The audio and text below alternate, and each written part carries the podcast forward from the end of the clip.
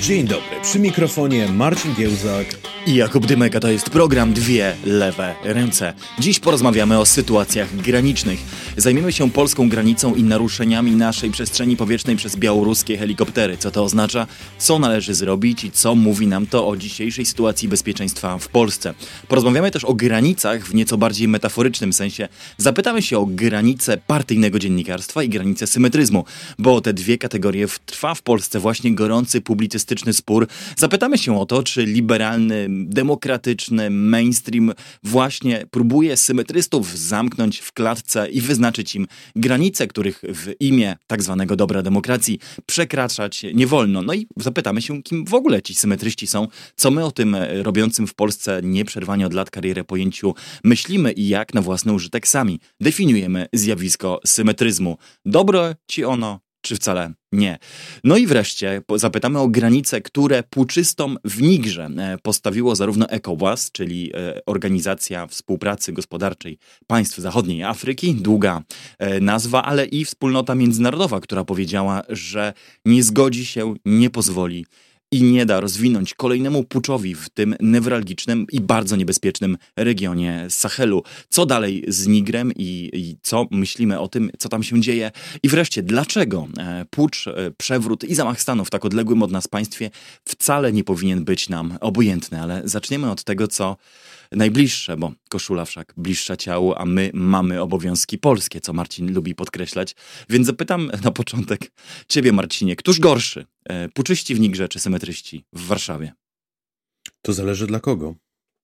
Mm, natomiast e, z mojego punktu widzenia, no zdecydowanie gorsi są puczyści w Nigrze, w tym sensie, że oni to mm, obalają demokratycznie wybrany rząd. Lepszy, gorszy, pewnie do tego wrócimy, ale jednak demokratycznie mm, wybrany, zastępując go wojskową przemocą, zamykaniem granic, więzieniem e, opozycjonistów e, i wciąganiem krajów w spiralę, e, z której bardzo trudno będzie później wyjść. Dość powiedzieć, że Niger to kraj, którego 40% budżetu pochodzi z zagranicy. To nie jest KPO, to jest naprawdę kwestia być albo nie być to jest kwestia tego, że ich obywatele będą umierać z głodu. My aż takich problemów e, nie mamy, ale mamy parę problemów, które sobie zmyśliliśmy.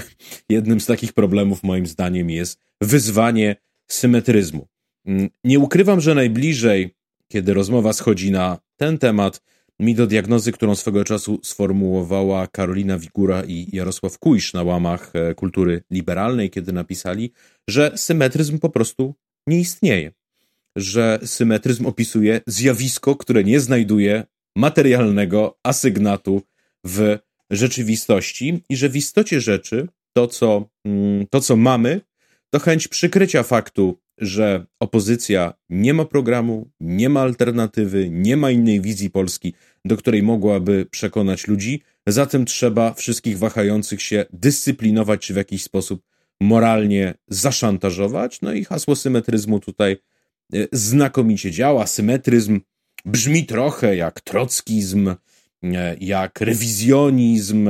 E, przypomina mi się, że nawet kiedyś oskarżono marszałka Żukowa o bonapartyzm. Krótko mówiąc, jest jakiś izm, jakaś herezja, jakieś odstępstwo, które trzeba potępić. Tu od razu powiem, w sposób typowy dla siebie oczywiście, że mnie zawsze drażni to taka bolszewizacja języka, gdzie musimy znaleźć jakichś odstępców i ich napiętnować. Ona była szczególnie wyrazista w tym w tym pierwszym tytule, mm, który panowie e, e, Władyka i Janicki opatrzyli swój tekst, bo on pierwotnie nie nazywał się Polityczna klątwa symetryzmu, on się nazywał Symetryści i Poputczycy. Poputczycy to jest fraza, którą znamy z mm, tekstów Lwa Trockiego, opisująca ludzi, którzy bolszewikami nie będąc bolszewikom ułatwiali e, zrazu zdobycie władzy, a potem jej utrzymanie. Mógłbym też powiedzieć za Piotrem Zarębą, że Symetryzm to cecha ludzi obdarzonych pamięcią. Mógłbym zacytować e, Piotra Kaczyszczyna, że symetryzm to kwestia elementarnej, ele, e, intelektualnej uczciwości. No i mógłbym wreszcie powiedzieć za Anną Czepiel, że nie ma symetryzmu, jest jedynie normalna rozmowa o polityce, ale chyba najbardziej druzgocący będzie cytat z polskiej Wikipedii, bo próbując uporządkować definicję. Stwierdziłem, że zobaczę, co Wikipedia pisze, bo przeciętny człowiek, jak szuka czegoś, to pewnie w pierwszej chwili zobaczy pierwszy wynik z Google, a to będzie Wikipedia. No i Wikipedia napisała coś, po czym po prostu parsknąłem śmiechem. Otóż wikipedystyczna definicja symetryzmu jest następująca. Że symetryzm jest to postawa spotykana w polskiej publicystyce, polegająca na tym, że wskazuje się zarówno na pozytywne, jak i na negatywne aspekty działań danego obozu politycznego oraz zestawia się je z analogicznymi działaniami jego konkurencji politycznej. To właściwie na tym etapie już nie wymaga komentarza. Znaczy nie no, jeżeli żyjemy w rzeczywistości politycznej, w której wskazywanie na zarówno pozytywne, jak i negatywne aspekty działania jakiegoś obozu politycznego jest przywarą, to ja się wypisuję rzeczywiście z polskiej publicystyki w takim razie, e, bo chyba w takim razie walczymy z ideą dziennikarstwa jako takiego. Jeżeli ktoś ma czelność wskazywać na to, że jakieś działanie, jakieś zjawisko polityczne, e, czy jakiś program polityczny ma strony dobre, jak i strony złe, i to miałoby być w tej wizji świata grzechem, to rzeczywiście, no ty już wywołałeś bolszewizm, więc e, ja muszę sięgnąć po przykład z innej choć ty powiedziałbyś, że wcale nieodległej yy, półki i powiem, że mamy yy, do czynienia z niczym innym, tak, z niczym innym, jak ze zdefiniowanym całe dekady temu przez Noama Chomskiego po prostu ubijaniem konsensu, no, wytwarzaniem sztucznej e, zgody i e, fabrykowaniem jednomyślności, bo jeżeli e, w ogóle Zauważanie zniuansowania rzeczywistości, zauważanie tego, że ona jest niejednoznaczna, postrzeganie jej w kategoriach innych niż czarno-białe e, miałoby być grzechem, to ja od razu zapytam e, i strzelę z dużego kalibru, to po co nam jest dziennikarstwo? Znaczy, po co w ogóle bawimy się w próbę opisania tej rzeczywistości, powiedzenia o niej czegoś nowego, mm, pokazania złożoności świata społecznego, w którym żyjemy, jeżeli koniec końców stwierdzenie, że nie wszystko jest takie zero-jedynkowe, jak tego zaciągnięci na potrzebę partyjnej wojny pismacy by chcieli, staje się wręcz w Polsce obelgą. Nie wiem. No ja powiem tak. Y, możemy oczywiście spędzić e, cały ten segment pastwiąc się nad symetryzmem. Pewnie jeszcze część nie no, zaraz, nad e, symetryzmem? Czasu, który mamy, Poczekaj. czy raczej nad, nad, nad tymi, którzy posługują się hasłem okay. symetryzmu i pewnie będziemy się naturalnie w tym kierunku osuwać, ale spróbowałbym zrobić coś, do czego, do czego nas zachęca filozof Daniel Dennett, mówiąc, że raczej niż tworzyć chochoła, po angielsku strawman, czyli dyskutować z poglądami, których przeciwna strona e, nie wyraziła, albo te poglądy karykaturyzować, chociaż no, ciężko je karykaturyzować, jeżeli sięgamy do definicji niemalże słownikowej, no i ona jest jaka jest, ale spróbujmy wykonać ćwiczenie w takim razie dokładnie odwrotne, czyli sprawdzić, przedstawić najlepsze argumenty za symetryzmem, a tym samym, czy za tym, że istnieje istotnie coś takiego jak symetryzm i zastanowić się nad tym, czy jakkolwiek to może być przydatne e, poznawczo. E, jak wróciłem do tego tekstu, od którego chyba cała afera się zaczęła, czyli do tego, co ukazało się 3 maja 2016 roku w Polityce, kiedy Mariusz Janicki i Wiesław Wodyka opublikowali tekst e, Symetryści i Poputczycy, teraz to jest tekst Klątwa Polityczna Symetryzmu i jeszcze raz od deski do deski go przeczytałem, no to naszła mnie taka refleksja.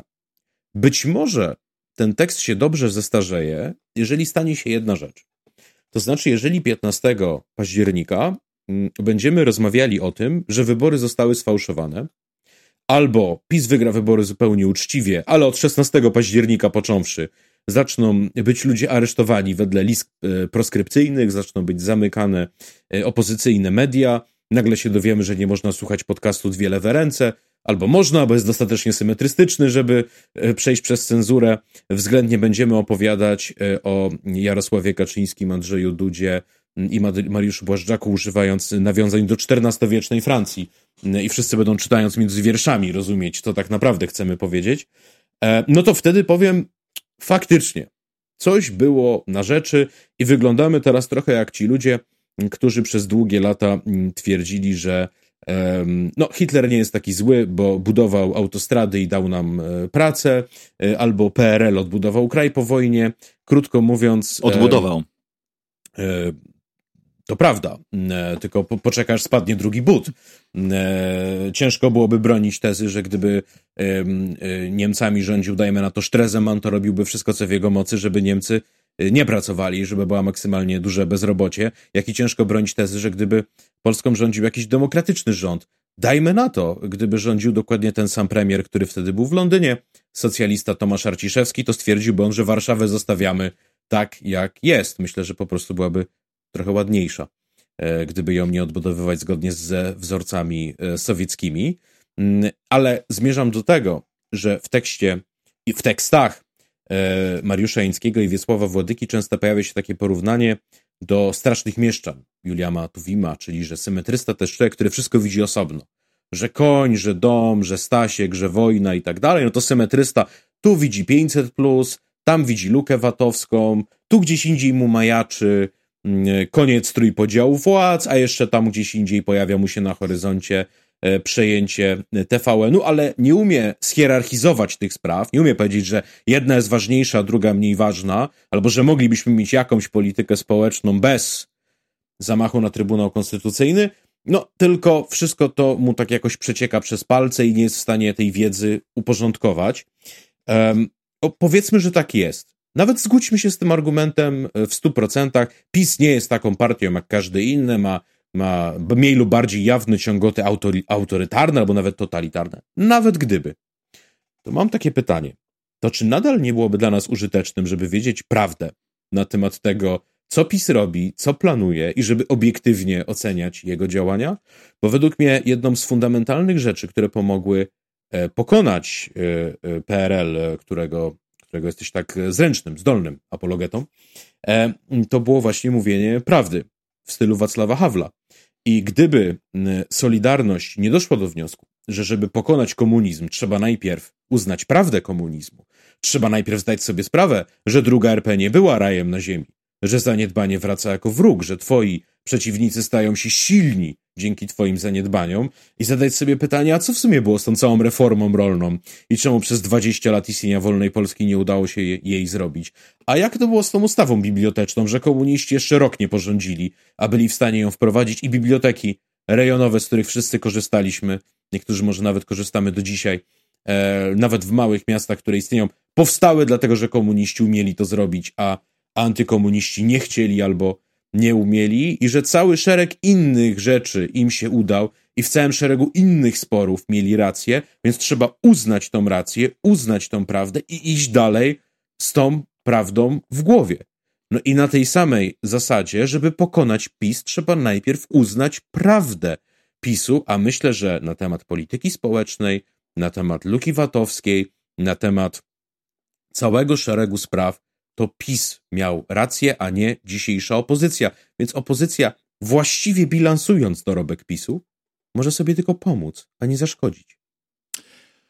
Myślę, że prędzej przekonasz huntę wojskową w Nigrze, żeby pokojowo oddała władzę, niż e, antypisowskich publicystów, żeby otworzyli oczy na rzeczywistość. Ale skoro wzywasz, żebyśmy potraktowali ich argument śmiertelnie poważnie, bez kpiny i go ze stillmenowali, choć to nieładne słowo i prędzej czy później pewnie przełożymy sobie je na polski, to A, ja to, to wyzwanie podejmę. słowo i powiem, że rozpisałem mikrokonkurs na Twitterze. Było parę ciekawych propozycji. Jedną odrzucam z góry, to było Stalin. E, ale pojawiło się na przykład Stalczyk ładne słowo, Stalczyk. Golem jako przeciwieństwo mm, Chochoła. Mm, niektórzy przetłumaczyli chyba dosłownie Stillman, stalowiec, ale tu nie o to chodzi. Ale Stalczyk mi się podoba. Chochoł i Stalczyk jako dwa typy idealne, którymi się odwoł- do których się odwołujemy dyskutując. Dobrze, my mamy inne preferencje, jeżeli chodzi o frazeologię i przekłady, ale ten spór sobie zostawimy y, na inną okazję.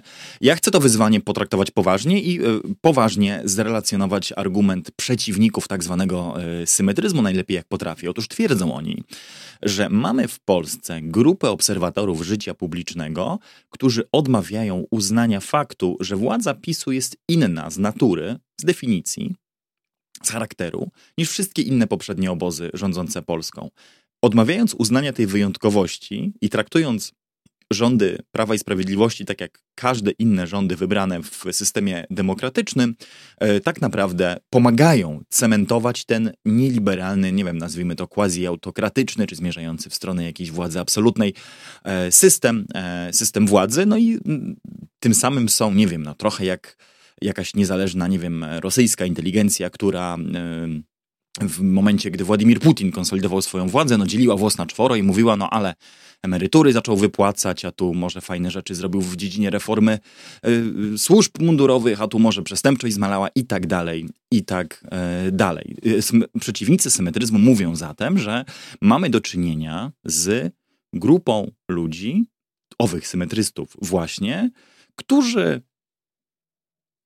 właściwie dobrowolnie, czy właściwie z własnej, nieprzymuszonej woli decydują się zamykać oczy na rzeczywistość, a tym samym e, tylko wzmagają już istniejące w Polsce tendencje autorytarne i pomagają tak naprawdę przez swoją postawę konsolidować autorytarny model władzy e, w Polsce. Tak idzie argument przeciwko e, symetrystom.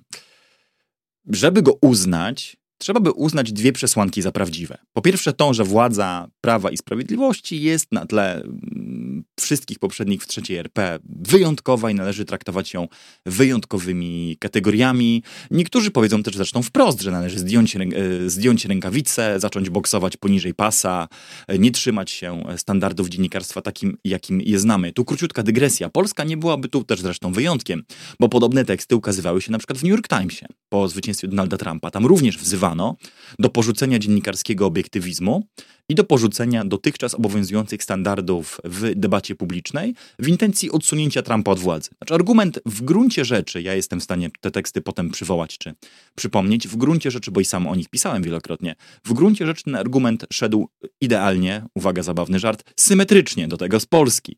Mamy do czynienia z prezydenturą, która łamie, niszczy i obraca w niwecz wszystkie istniejące standardy, więc my nie możemy niejako trzymać się tych standardów dziś, bo one nie obowiązują. Trzeba zatem porzucić to, co istniało, zbudować właściwie taki cały gmach dziennikarstwa czy debaty publicznej od nowa, na nowych fundamentach, które będą w stanie zmierzyć się z tą nową rzeczywistością. I powiedzmy, przyjmijmy nawet, że z tą pierwszą przesłanką się można zgodzić. Znaczy, to nie jest moja deklaracja, że się z nią osobiście zgadzam, że uważam, że tak jest, ale nawet przyjąwszy, że z tą pierwszą przesłanką się zgadzamy, że tak, władza PiSu, czy Trumpa, czy Bolsonaro, czy kogokolwiek innego jest tak wyjątkowa, że normalne, y, obiektywne, uczciwe dziennikarstwo czy analiza rzeczywistości no nie jest w stanie y, tego objąć. No to przechodzimy jeszcze do przesłanki drugiej. Trzeba wówczas jeszcze założyć, że niezgoda na przyjęcie tej optyki przez część uczestników debaty publicznej niejako sama z siebie konsoliduje w Polsce autorytaryzm.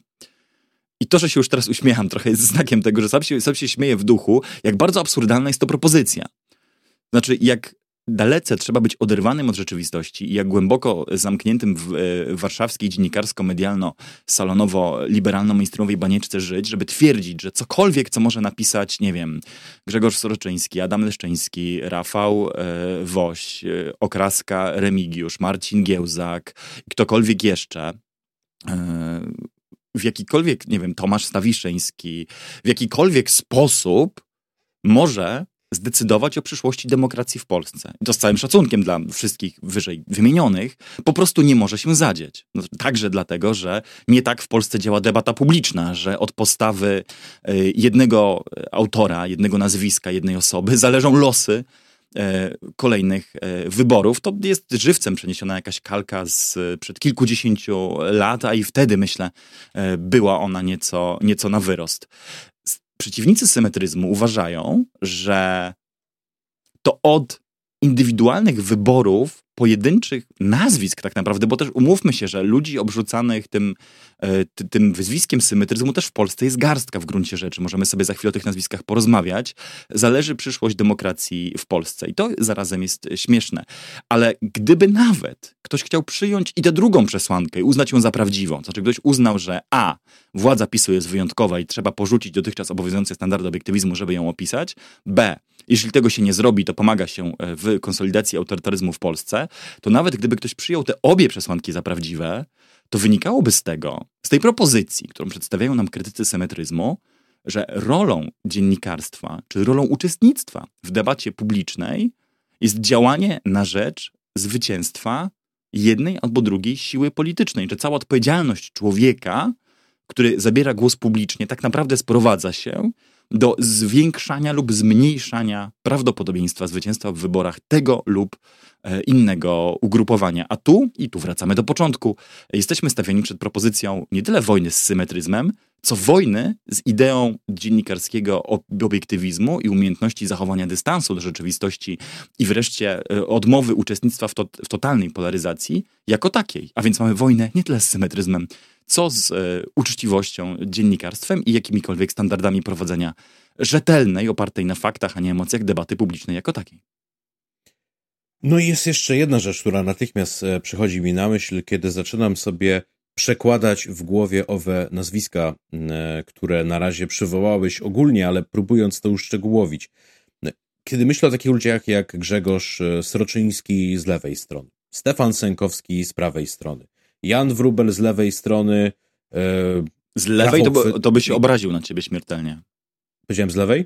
Powiedziałeś Jan Wrubel z lewej strony, to A, myślę, Jan że cała, jego, strony, cała jego biografia by się na ciebie śmiertelnie No i powiedzmy, obraziła. powiedzmy Rafał Chwedoruk e, z lewej strony. Witold Jurasz, śmiem powiedzieć, z prawej strony.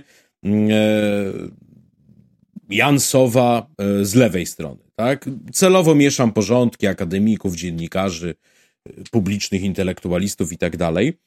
To kiedy myślę o tych wszystkich ludziach, to mam wrażenie, że właśnie wymieniłem galerię przeciwników PiSu że jedynym symetrystą, o którym mogę powiedzieć e, z całą pewnością, że nie jest względem PiSu wrogi i że wręcz wzywał do głosowania na PiS, jest Rafał Woś.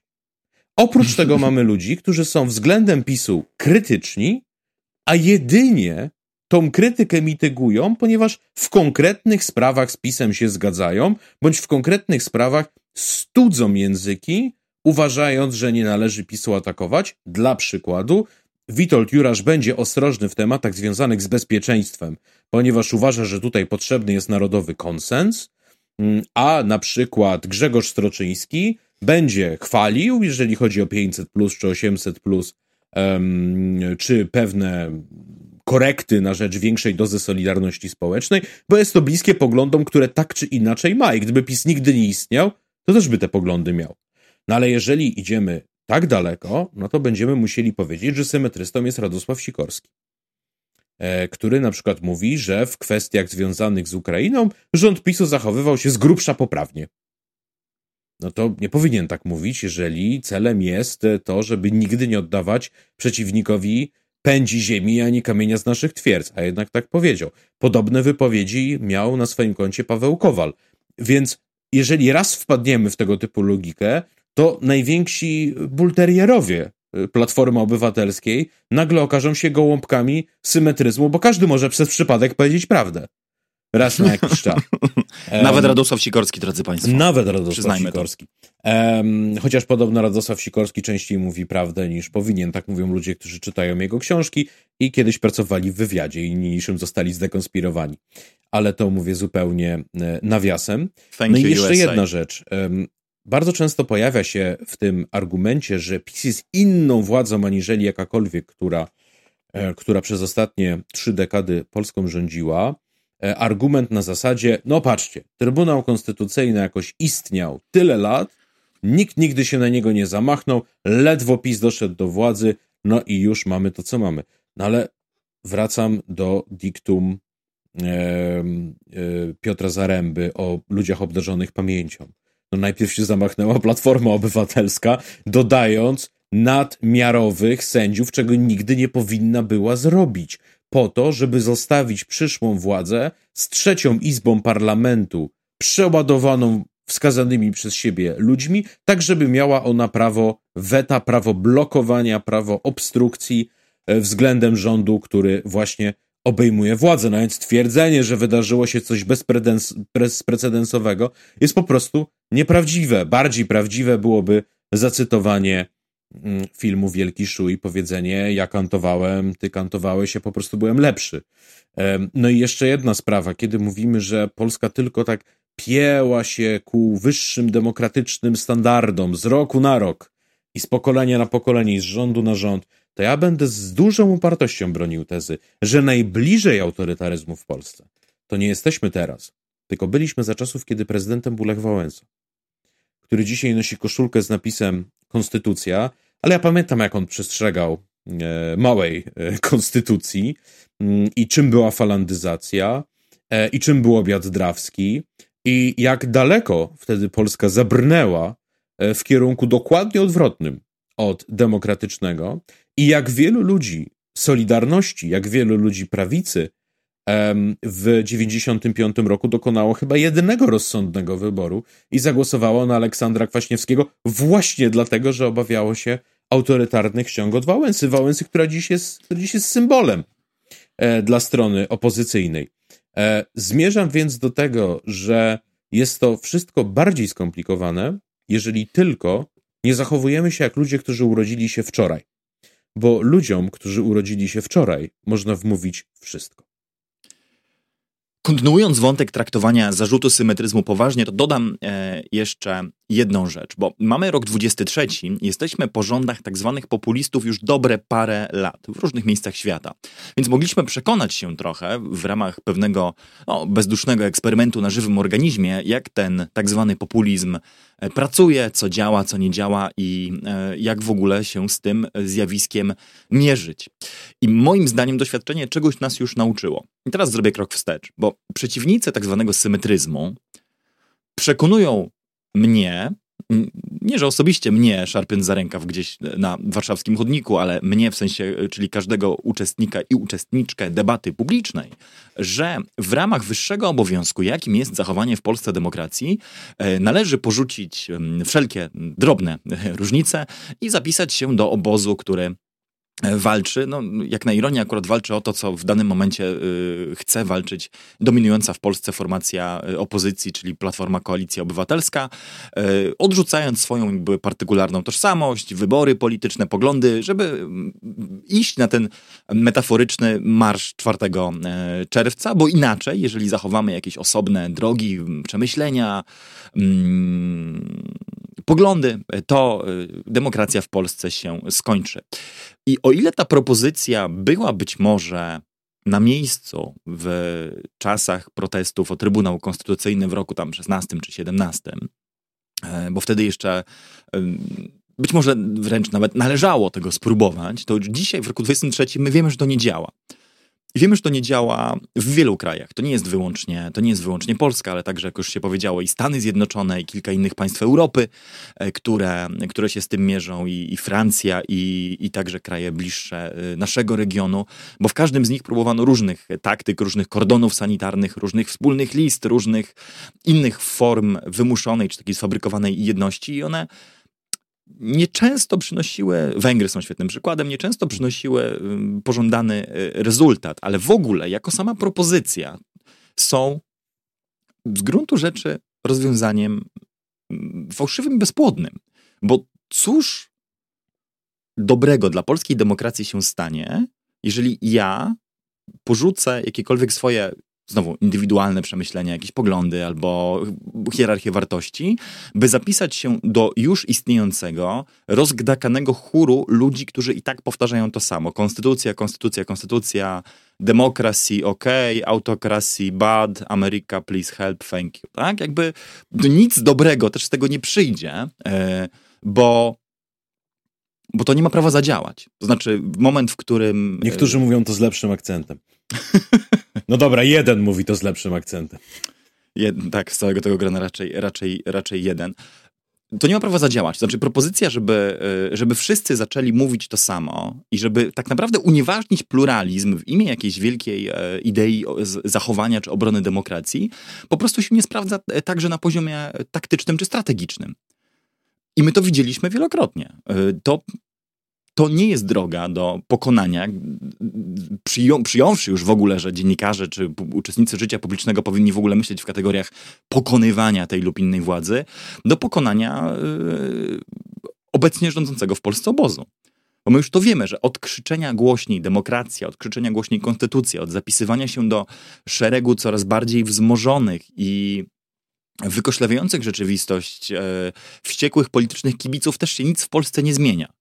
Więc poszerzenie tego grona o te kolejne kilkanaście nazwisk, które sobie wymieniliśmy i które będziemy w tym programie wymieniać, tak naprawdę w żaden sposób nie zmienia stawki e, ani proporcji, ani rozkładu sił w tej walce, natomiast grozi czymś odwrotnym. Znaczy grozi pozbawieniem się ostatniego wentyla w postaci debaty wyjętej z tej toksycznej partyjnej polaryzacji, która już w Polsce istnieje. Słowem, cały profit, jaki z tego osiągniemy, to jest zamknięcie ust kilkunastu osobom, żeby w końcu przestały po prostu dzielić włos na czworo, właśnie patrzeć e, na dwie różne sprawy, żeby przestali e, uprawiać tak zwany whataboutism e, i zajęli się równo w szeregu przykrojeni do tego samego wzorca zwalczaniem PiSu i obroną demokracji no to uzyskamy rzeczywiście zamknięcie gęby tym kilkunastu osobom i, e, i domknięcie jakiejkolwiek jeszcze w ogóle w Polsce istniejącej wąskiej bardzo też sfery, gdzie się w ogóle mówi cokolwiek innego, albo gdzie patrzy się na rzeczywistość w inny sposób, albo, albo po prostu odmawia uczestnictwa w tym sporze. I już widzę, że się wyrywasz do głosu, więc już kończę. E, a dlaczego to jest potrzebne? To widzimy, bo mamy na to dowody nie anegdotyczne, ale dowody z życia wprost im więcej w Polsce takich niezależnych głosów, e, tym więcej zdobywają także one jakiejś popularności, zasięgu czy uznania, bo jak się okazuje, polska debata publiczna wygłodzona jest, znaczy jest niedosyt ludzi, którzy potrafią wyjść poza ramy tego e, sporu i pokazać, że istnieje świat poza PO i PiSem, że istnieje rzeczywistość, którą definiują jakiekolwiek inne słowa niż Tusk i Kaczyński, że świat nie kończy się na Polsce, tak? że y, globus to nie jest taka kula, na której jest y, jeden kształt z napisem Polska i nic więcej, tylko świat jest trochę bardziej złożonym miejscem. Pokazują to i rozmawialiśmy o tym wielokrotnie, kolejne sukcesy nowych formuł w internecie, kolejne inicjatywy, które się świetnie sprzedają, popularność także geopolityki tego dowodzi, czy się komuś to podoba, czy nie, że jest głód y, innych perspektyw patrzenia y, na świat. Inicjatywy, które E, zajmują się e, reportażem i takim dziennikarstwem, które w ogóle stroni też od, e, od takiej czystej politycznej, kibicowskiej, quasi-sportowej um, oceny rzeczywistości. Jest, jest to jeszcze kolejnym, kolejnym dowodem. Słowem, tej cytryny gonienia PiSu już się bardziej też nie wyciśnie, a zasilenie szeregów tej, tej kiborskiej bojówki, sorry, bo cytuję cudzą, a nie moją frazeologię, autora tegoż pojęcia Grzegorza Sorczyńskiego zaraz jeszcze przywołamy, niczego tutaj na lepsze nie zmieni. Natomiast pozbawi nas, i tu kończę, pozbawi nas rzeczywiście jeszcze jako tako istniejącego pluralizmu. Znaczy być może proponentom, proponentom tej wizji dokładnie o to chodzi. Znaczy pluralizm bardzo kłuje ich w oczy i gdyby go nie było, to rzeczywiście czuliby się po prostu lepiej w swojej skórze. No, zimna wojna zawsze była takim prostym e, sposobem na postrzeganie świata i może do niej tęsknią. Powiem teraz słowa, po których jestem zobowiązany wrzucić e, monetę do naszej e, skarb świnki skarbonki, to znaczy zgadzam się z tobą, Jakubie. E, słowa, które padać nie powinny, ale, ale muszą paść w tym kontekście. I żeby zobrazować twoją tezę konkretnym przykładem, powiem, czyż nie z tego wziął się PCPO? Z przekonania zarówno e, braci Kaczyńskich, jak i z przekonania Donalda Tuska i pozostałych dwóch tenorów, którzy w tym czasie, do tego, do tego momentu już zniknęli z polskiej polityki, że w okresie tego, co oni nazywali triumfem kwaśniewszczyzny, okresem absolutnej dominacji w polskiej polityce SLD, słabości i rozbicia prawicy, należy wyjść z tego, co było, nie próbować robić kolejnego AWS-u albo konwentu świętej Katarzyny, albo uznawać, że w takim razie należy głosować na SLD, tylko pokazać, że inna polityka jest możliwa. Jaką inną politykę wyczarowali, no to już kolejną dekadę E, z tym musimy żyć i to obserwujemy, ale niemniej jednak taki skrajny prezentyzm polegający na tym, że można tylko zaakceptować to, co jest teraz, albo milczeć, e, to nie jest coś, na co się godzimy w dowolnej innej sferze życia. Jeszcze nie widziałem, żeby ktoś e, wszedł do sklepu i nie znaleźliwszy towaru, który chce kupić, usłyszał do ekspedienta, ale niemniej jednak coś pan musi kupić, skoro już pan wszedł do tego sklepu. Jeszcze nie widziałem, żeby ktoś, kto zaloguje się na platformę streamingową, otrzymał komunikat, że musisz obejrzeć jakiś serial, skoro już się zalogowałeś. No zawsze mamy prawo powiedzieć, że żaden z powyższych nas nie satysfakcjonuje. Ja zresztą zawsze też byłem zwolennikiem tego, żeby e, przenieść to w ogóle na poziom wyborów, zinstytucjonalizować. Jeżeli e, większość ludzi zaznaczy e, kratkę z napisem żaden z powyższych, to wybory muszą być powtórzone, a nikt z tych, kto kandydował teraz, nie może się do nich stawić drugi raz. To Co? byłby sposób na to, żeby pokazać politykom, kto tu jest e, suwerenem. E, oprócz tego widzę jeszcze jeden problem. To znaczy, jeżeli teza o symetryzmie jego szkodliwości jest prawdziwa dzisiaj, to przecież będzie prawdziwa również, kiedy do władzy dojdzie, dajmy na to, Platforma Obywatelska sama bądź wraz z koalicjantami, prawda? No, zagrożenie pisem wtedy nie minie. No więc co będziemy mieli? Tak jak teraz mamy zmowę powszechną przeciwko rządowi, to znaczy przypadkiem nie napisz czegoś dobrego o rządzie, tak po zmianie władzy będziemy mieli zmowę powszechną za rządem. To znaczy, teraz nie będzie można krytykować władzy. No bo jak będziesz krytykował władzę, no to jeszcze dojdzie do tego, że znowu się wymieni e, skład rządu, że na jego czele stanie Mariusz Błaszczak, Joachim Brudziński albo kto tam jeszcze, no i będzie katastrofa. No więc na wszelki wypadek teraz trzeba będzie obijać symetrystów, wymagając od nich, żeby tym razem pisali wyłącznie pozytywne rzeczy o posłach, ministrach czy premierze partii rządzącej. Wtedy naprawdę koło się domknie, tak? Nie będzie można już krytykować e, władzy. No i ostatnia rzecz, na którą mm, chciałem zwrócić uwagę. Otóż e, podkreślasz, że tych symetrystów jest bardzo niewielu. E, ja bym powiedział, że pewnie nawet moglibyśmy ten zbiór jest zbiór policzalny, tak? To znaczy, to jest e, według mnie dosłownie sześciu parlamentarzystów w Sejmie, tak? To, to, według mnie to są posłowie i posłanki razem, bo postkomuniści według mnie jak najbardziej odnajdują się w liberalnym mainstreamie i mam na to dowód, to znaczy nikomu nie wpadały do głowy pomysły, żeby żeby zrywać jakiekolwiek pakty senackie, sejmowe czy jakiekolwiek inne, E, kiedy to kandydat e, e, dawnego SLD miał stawać w szranki z pisowcem, ale kiedy jest to Magdalena Biejat, to Roman Giertych już jest gotów wydać swoją osobę na tą nierówną walkę i powiedzieć głosujcie na mnie, żeby, żeby posłanka razem nie miała szansy wyścigu do Senatu.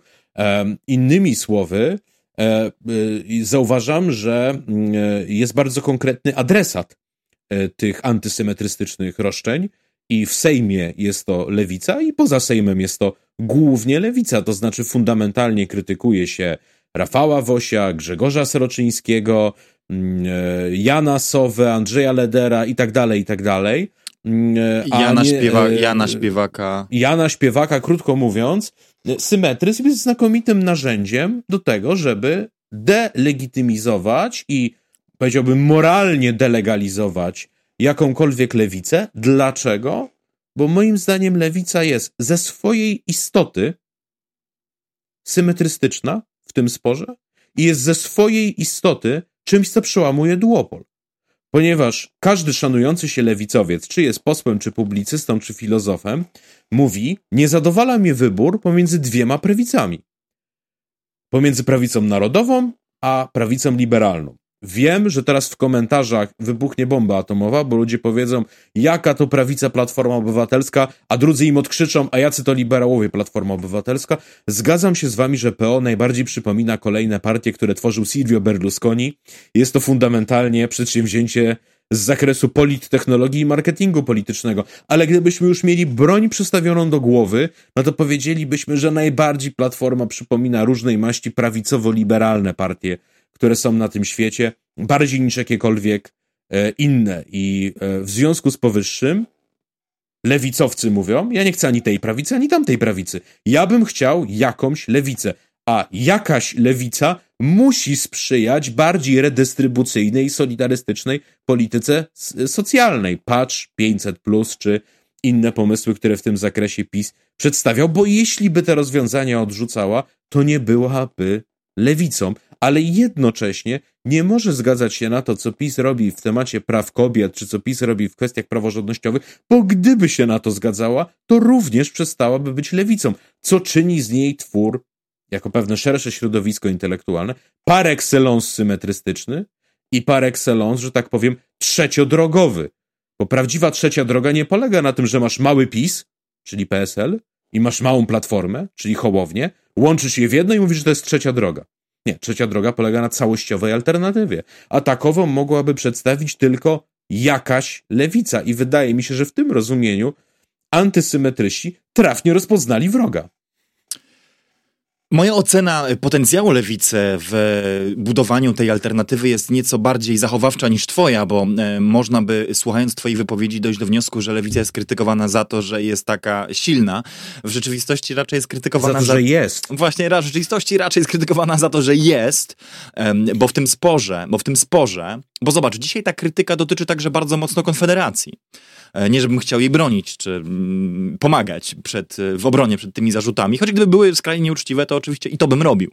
Ale ta krytyka dotyczy również Konfederacji, bo tu chodzi o jeszcze coś innego niż tylko zwalczenie lewicy jako takiej, choć to jest fundamentalnie ważne, bo oczywiście duża część przecież tych dziennikarzy, liderów opinii czy gazet występuje w obronie po prostu interesu wielkiego kapitału. No powiedzmy sobie prawdę, Marcin. W tym programie możemy to powiedzieć, tak, że reprezentują oni interesy bogatych przeciwko interesom biednych, że reprezentują interesy zagranicznego kapitału przeciwko interesom polskiego kapitału, że reprezentują interesy e, wielkiej ponadnarodowych korporacji przeciwko e, lokalnemu biznesowi czy sile e, pracy. No też powiedzmy sobie no to i fair. swoje no. własne, no bo I jak swoje własne jako podatki, to przecież tak. nie będą zadowoleni.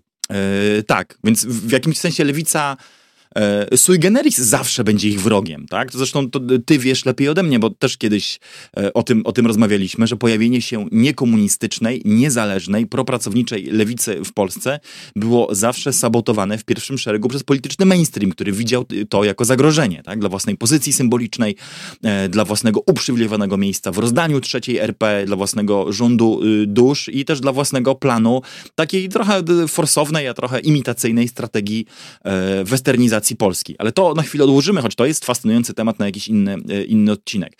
Ale e, dlaczego mówię, że w jakimś sensie nie wyłącznie lewica, choć lewica przede wszystkim jest e, obiektem tego, tego ataku? Dlatego, że duopol broni sam siebie.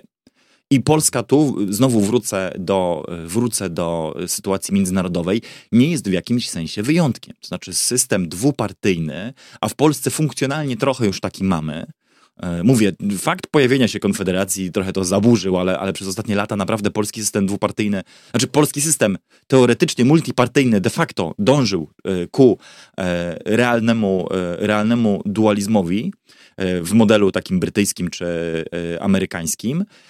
W jego interesie jest to, żeby to się utrzymało. To znaczy w interesie i Kaczyńskiego, i Tuska, i nie mówię tu żadnej ani nowatorskiej teorii, ani tym bardziej teorii spiskowej, zwyczajnie jest to, żeby nie istniała alternatywa dla obydwu tych ugrupowań.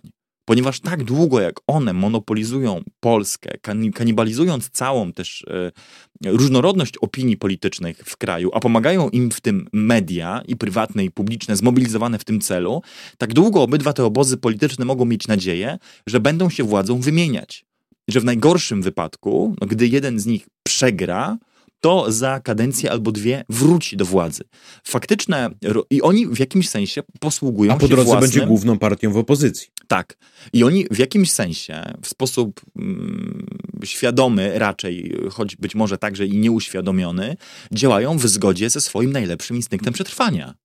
Znaczy dla nich to jest zagrożenie, gdyby pojawił się ktoś, kto powiedział zaraz, można inaczej.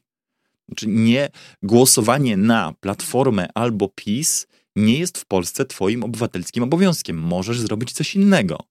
Postrzeganie rzeczywistości, tak jak widzi ją Gazeta Polska albo Gazeta Wyborcza, nie wypełnia całego spektrum politycznego. Są inne, są inne zjawiska, tak? Świat się nie kończy na Tusku i Kaczyńskim i TVP albo TVN. Tylko wtedy ten duopol byłby zagrożony i tak jak wielokrotnie już w przeszłości widzieliśmy, e, zacząłby się z powrotem zachowywać w zgodzie z tym instynktem samozachowawczym i zacząłby żyrować nawet wbrew e, krótkoterminowej e, politycznej logice swojego przeciwnika. Znaczy w ramach tego duopolu druga partia żyrowałaby tą pierwszą, żeby, żeby ta się utrzymała na powierzchni, bo jej potrzebuje. Platforma bez PiSu nie bardzo umiałaby uzasadnić sens swojego istnienia na scenie politycznej, tak samo jak dzisiaj trochę PiS nie umie uzasadnić już coraz bardziej, bo w 2015 roku mówiliśmy o innej sytuacji. Ale dzisiaj PiS nie jest w stanie uzasadnić swojego miejsca na scenie politycznej w sposób inny niż tylko powstrzymywanie Tuska przed dojściem do władzy. Tam nie ma za bardzo lepszej legitymacji. Oni oczywiście podpierają się tym, no, że wprowadzili 500, że lepiej się żyje Polakom, że płaca minimalna rośnie, ale myślę, że jesteśmy w takim momencie, w którym ludzie też mają świadomość, że doszlibyśmy cywilizacyjnie do momentu, w którym chcąc czy nie chcąc, już każda inna władza jakieś świadczenia socjalne by wprowadziła, rosłaby ta płaca minimalna, polska gospodarka też by jakoś e, wzrastała, więc ten powód... Poza dla... tym jest efekt Luli, tak? To znaczy Lula da Silva wyciągnął Brazylijczyków z biedy i raz wyciągnięci z biedy zaczęli głosować na e, prawicę, to znaczy jak już ludziom się opatrzą i utrwalą się w ich świadomości pewne zdobycze e, socjalne, to już nie myślą o tym, kto je dał, no bo wiedzą, że każdy je zachowa. Tak, ja tu, ja tu mogę skończyć i, i dlatego te partie uzasadniają nawzajem swoją potrzebę istnienia. Jedni powstrzymują e, Tuska przed dojściem do władzy, drudzy obiecują, że odsuną Kaczyńskiego od władzy. I to się tak kręci e, przez już blisko 20 lat. No czyli musimy skonstatować tą dyskusję wnioskiem takim, że jeśli już, to cierpimy na niedobór e, symetryzmu w takim rozumieniu, że nadal mamy za dużo polaryzacji, za dużo plemiennej logiki, za dużo kooptacji dziennikarzy do partyjnych linii argumentacji, za dużo polittechnologii, a za mało rzetelnego dziennikarstwa, dobrej analizy i za mało twórczych poszukiwań innych propozycji na to, jak Polska ogólnie, a poszczególne polityki przez nią realizowane w szczególe, mogłyby wyglądać.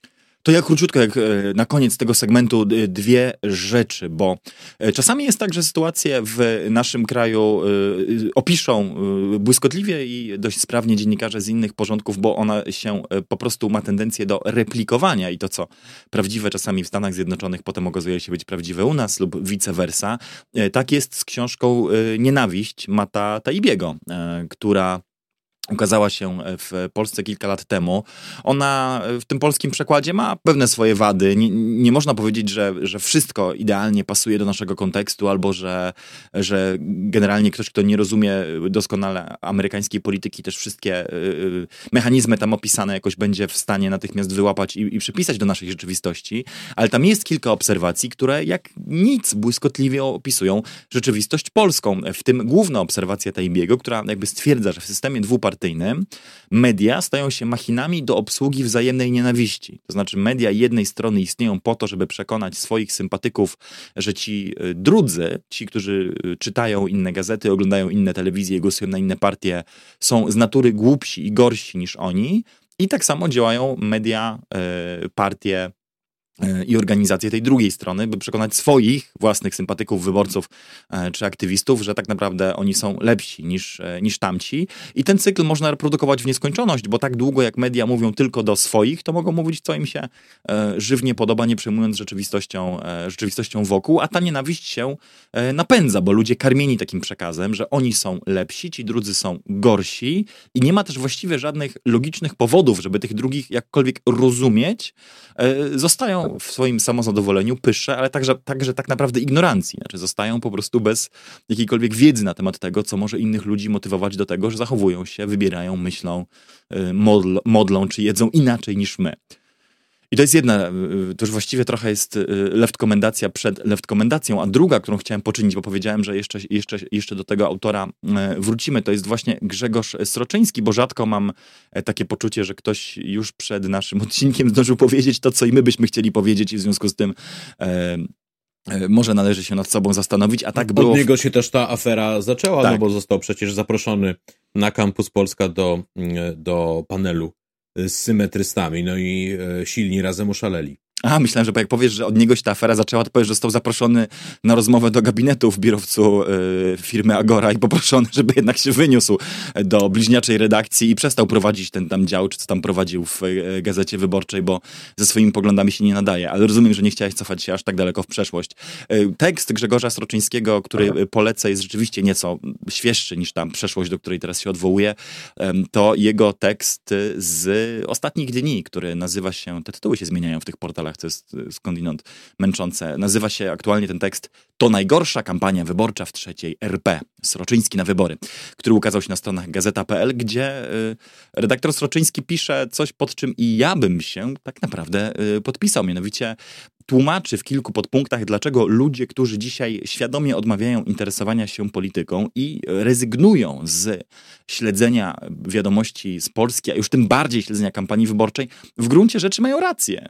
I że postępują bardzo y, rozsądnie, trzeźwo i racjonalnie, bo pisze Sroczyński, że każdy y, myślący obserwator polskiej sceny politycznej zauważy już doskonale, że retoryka polityczna obydwu obozów y, rozmija się kompletnie z rzeczywistością. Znaczy, gdy wieszczą katastrofę, jedni czy drudzy, gdy wieszczą katastrofę, załamanie się, putinizację, Armagedon, klęskę, mm, drugą Grecję, cokolwiek innego, to to się właściwie w 100% nie pokrywa z rzeczywistością, znaczy ich, ich prognozy się nie materializują, e, a gdy próbują dalej mobilizować ludzi tymi wezwaniami do, do walki, do stawiania się, do, do dalszego interesowania się, do, do stawania w boju tak naprawdę, bo tutaj, bo tutaj i, to, i to e, określenie jest e, metaforą na miejscu, to tylko po to, żeby, żeby utrzymać przy sobie jeszcze grupkę tych najbardziej już zainteresowanych kibiców i zaangażowanych wojowników na, na froncie, bo cała reszta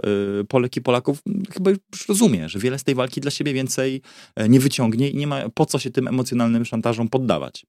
No więc tak to podsumowuje Grzegorz Stroczyński, pisząc, pisząc że poziom jakby też zgłupienia szantaży moralnych i wciągania nas w to toksyczne bagno polaryzacji w tym roku e, prawdopodobnie przebije wszystko, co widzieliśmy w latach ubiegłych i wzywa do tego, żeby się temu nie dać, co samo w sobie chyba w E, słowach tego autora stanowi swoistą pochwałę symetryzmu e, zwykłych, e, znaczy nie lubię tego słowa, symetryzmu e, myślących Polaków. Powiem tak, bójcie się e, dnia mm, politycy, w którym ktoś kiedyś podejmie tą propozycję, żeby e, umieścić pole żaden z powyższych na kartach wyborczych, bo wtedy być może symetryści się policzą, postawią tam e, krzyżyk i tym samym doprowadzą do największego przesilenia politycznego w dziejach e, trzeciej RP, a ja wtedy będę musiał e, połknąć swoje słowa o tym, że symetryzmu nie ma i nagle się okaże, że symetryzm nie tylko jest, ale symetryzm to potęga, która jest w stanie rządy mm, przewracać. Na razie będę się trzymał mm, tego, co powiedziałem na samym początku. E, symetryzm to cecha ludzi obdarzonych pamięcią, to cecha ludzi, którzy zachowali jakąś intelektualną uczciwość. To przede wszystkim, moim zdaniem, powinna być cecha e, wszystkich dziennikarzy. I tu kończymy naszą e, obronę e, symetryzmu, choć nie odpowiedzieliśmy na pytanie, czy właściwie się pod tym określeniem podpisujemy, jakoś identyfikujemy z nim, czy przeciwnie uznajemy je za e, obelgę, którą inni próbują stygmatyzować tych, którzy nie chcą śpiewać w zgodnym chórze albo o, karnej nie, kompanii. Ja mogę powiedzieć jednym zdaniem. Znaczy, nie, to zostawimy na dogrywkę. Nie, nie, nie, to zostawimy... mamy, nie mamy nie, nie będziemy przerwać. mieli dużo na dogrywkę, spokojnie. E, nie mamy słowa na kogoś, kto nie jest astrologiem, prawda? Kto nie wierzy w astrologię. Czy nie mam poje... albo nie mamy słowa na kogoś, kto e, podaje prawdziwe informacje. Nie stworzyliśmy pojęcia na przykład werytyzm. Nie mówimy, o to jest werytysta, wiesz, jak on, e, jak on się zabiera do pisania tekstu, to sprawdza e, to, co pisze. Po prostu uznajemy to za normę, za coś, co nawet nie wymaga mm, opatrzenia osobnym terminem, więc ja, ja uważam, że coś takiego jak symetryzm po prostu nie istnieje. No dobrze, no to ja sobie y, moją prywatną definicję chyba będę zmuszony odłożyć na później i w te, y, zagłębimy się w te dywagacje jeszcze przy jakiejś kolejnej okazji. Zapomniałem powiedzieć o jednym istotnym wątku, ale skoro nasz podcast jest znany z piętrowych y, dygresji całej wieży Babel anegdot, to dlaczego mam tego i teraz nie zrobić?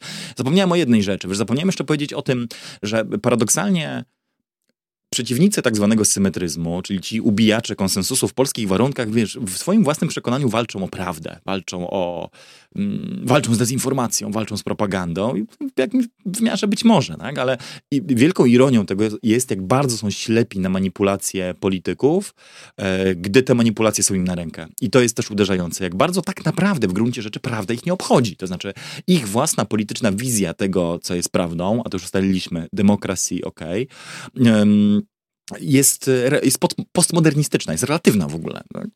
Można kłamać na temat gospodarki, opowiadać najbardziej niestworzone, bzdurne, nie trzymające się kupy y, teorie, byle byłyby one wystarczająco antypisowskie, tak? To, to już przywołaliśmy trochę z nich, tak? Druga Grecja, Polska bankrutuje, e, pieniądze się kończą, e, nikt nie chce Polsce pożyczać pieniędzy, bla, bla, bla, tak? Można, można opowiadać takie rzeczy, rynek pracy się załamie, najróżniejsze, najróżniejsze głupoty na temat gospodarki, znaczy można wyciągać e, e, Matuzalema, profesora Balcerowicza do kolejnych 50 wywiadów, w których on opowie jakby prognozy, które zgodnie z żelaznym prawem Leszka Balcerowicza nigdy się nie sprawdzą i nikomu to nie przeszkadza, tak?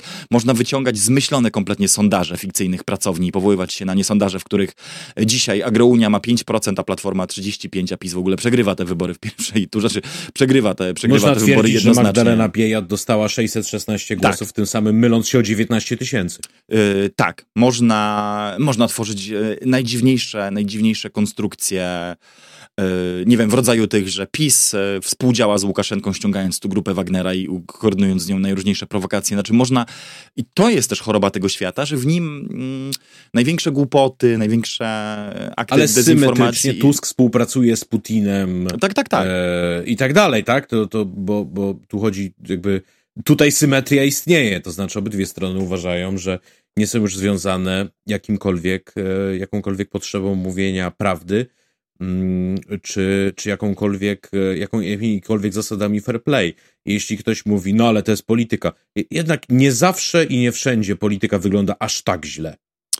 Yy, no widzisz, kolejny fascynujący wątek. Tu jest symetria i zarazem jej nie ma. I tak i nie, wiesz. No, spędziłem dość czasu w poczekalniach różnych yy, programów radiowych i telewizyjnych i spotykając się z kolegami w branży w wielu kontekstach, żeby dojść do wniosku, że to wcale nie jest takie jednoznaczne. To znaczy, i że wcale ta symetria nie jest taka oczywista. To znaczy, ludzie zagonieni do yy, właściwie zagonieni, ich nie trzeba było gonić, oni się zgłosili na tę służbę. Ludzie wciągnięci na służbę PiSowi Część z nich, jak sądzę, nie ma złudzeń, że w ogóle uprawia dziennikarstwo. Mhm. Oni wiedzą, że są na politycznej wojnie. E, nie będę mówił nazwisk, ale są tacy z nich, którzy bardzo lubią metaforę gry i cały czas powtarzają, że toczy się wielka gra i oni w tej grze uczestniczą, e, czym sami zdradzają, że właściwie e, jest to dla nich rodzaj sportu, rozgrywki, pojedynku, ale nie uprawiania już dyskusji. Tak?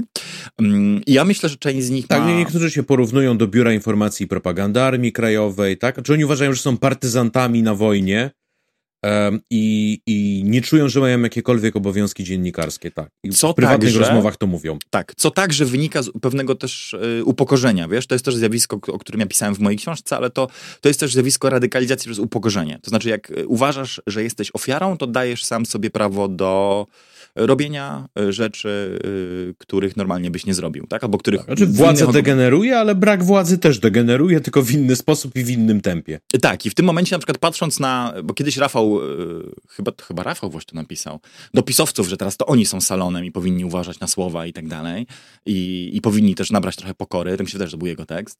Mm, tam jest takie zjawisko, że ludzie, którzy rzeczywiście dzisiaj świetnie zarabiają, mają dobre fuchy, ciągną kasę z spółek Skarbu Państwa, naprawdę nie biedują, mówiąc kolokwialnie, cały czas uważają siebie za ofiary. Tak, za ofiary Niemiec, Tuskow, Tuskowego reżimu, Unii Europejskiej, politycznej poprawności e, i LGBT, i, i tak sekularnej, e, postoświeceniowej Europy i tak dalej, i tak dalej. Oni uważają siebie za ofiary, więc przyznają sobie prawo do e, mówienia więcej, do atakowania moc, mocniej, do kąsania e, bardziej boleśnie, bo oni, są, oni się tylko bronią. Tak? Oni są tą os ostatnią redutą jeszcze, która, która musi walczyć, no jest oczywiście śmieszne, no bo jak czytasz w kolejnym wstępniaku tygodnika w sieci, że no jesteśmy tutaj no, skromnym poletku no, i otoczeni zalewając, zalewem e, sił wrażych, proszę pomóżcie, kochani czytelnicy, no to e, za, za którymś razem już ogarniacie wyłącznie pusty śmiech i żałość. Ostatnia, ostatnia wioska w Galii, która jeszcze tak. stawia czoła rzymskim najeźdźcom,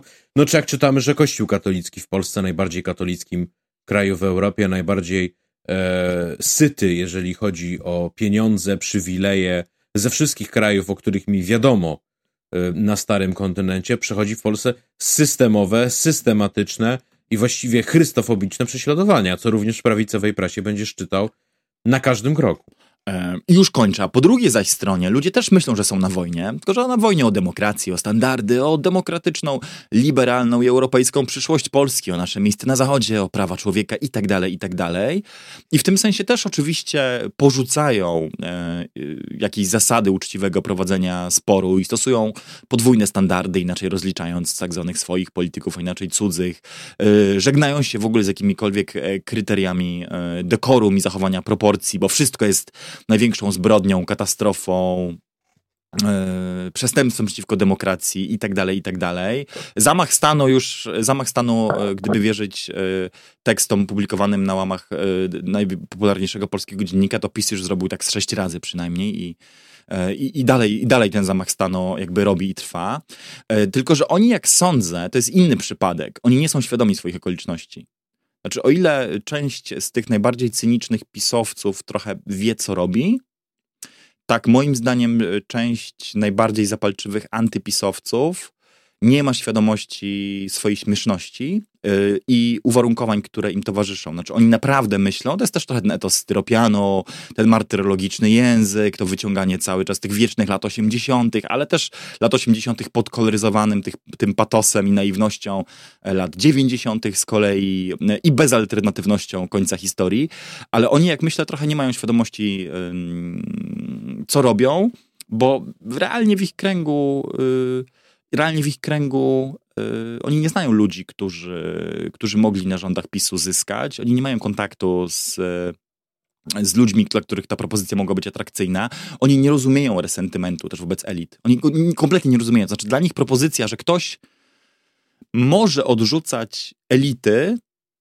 nie dlatego, że one nie mają racji, tylko je odrzucać dla samej yy, samej potrzeby odrzucenia y, tego aparatu mandarynów, którzy zawsze będą ci mówili, co masz robić, y, komu masz się kłaniać, co masz jeść, jak masz myśleć, y, bo nigdy do nich to nawet nie, nie dotarło, bo oni są samym e, tak naprawdę zbrojnym ramieniem tego establishmentu. Znaczy, oni, ci, którzy piszą, mówią i gadają w telewizji. No i dla tej formacji kluczową sprawą są autorytety. Tak, tak, tak, tak. Zawsze jest autorytety. I oni tego, nie, oni tego kompletnie nie są w stanie pojąć. Yy, dlaczego ktoś mógłby nawet z czystej przekory, też wiesz, ale z czystej przekory powiedzieć, że nie ma żadnej pandemii, albo dajcie już spokój z tą Ukrainą, albo a za Tuska było gorzej, albo a cała ta transformacja to pieprzyć. To oni nie rozumieją, że ktoś mógłby tak w ogóle e, w ogóle jest myśleć. taka kategoria socjologiczna jak odporność na autorytet, tak? To znaczy, że w społeczeństwach demokratycznych i liberalnych mm, ludzi bardzo ciężko jest zagonić do bramki numer 1, 2 i 3, bo zaczną się pytać, a dlaczego, a kto tak mówi, a ja myślę inaczej.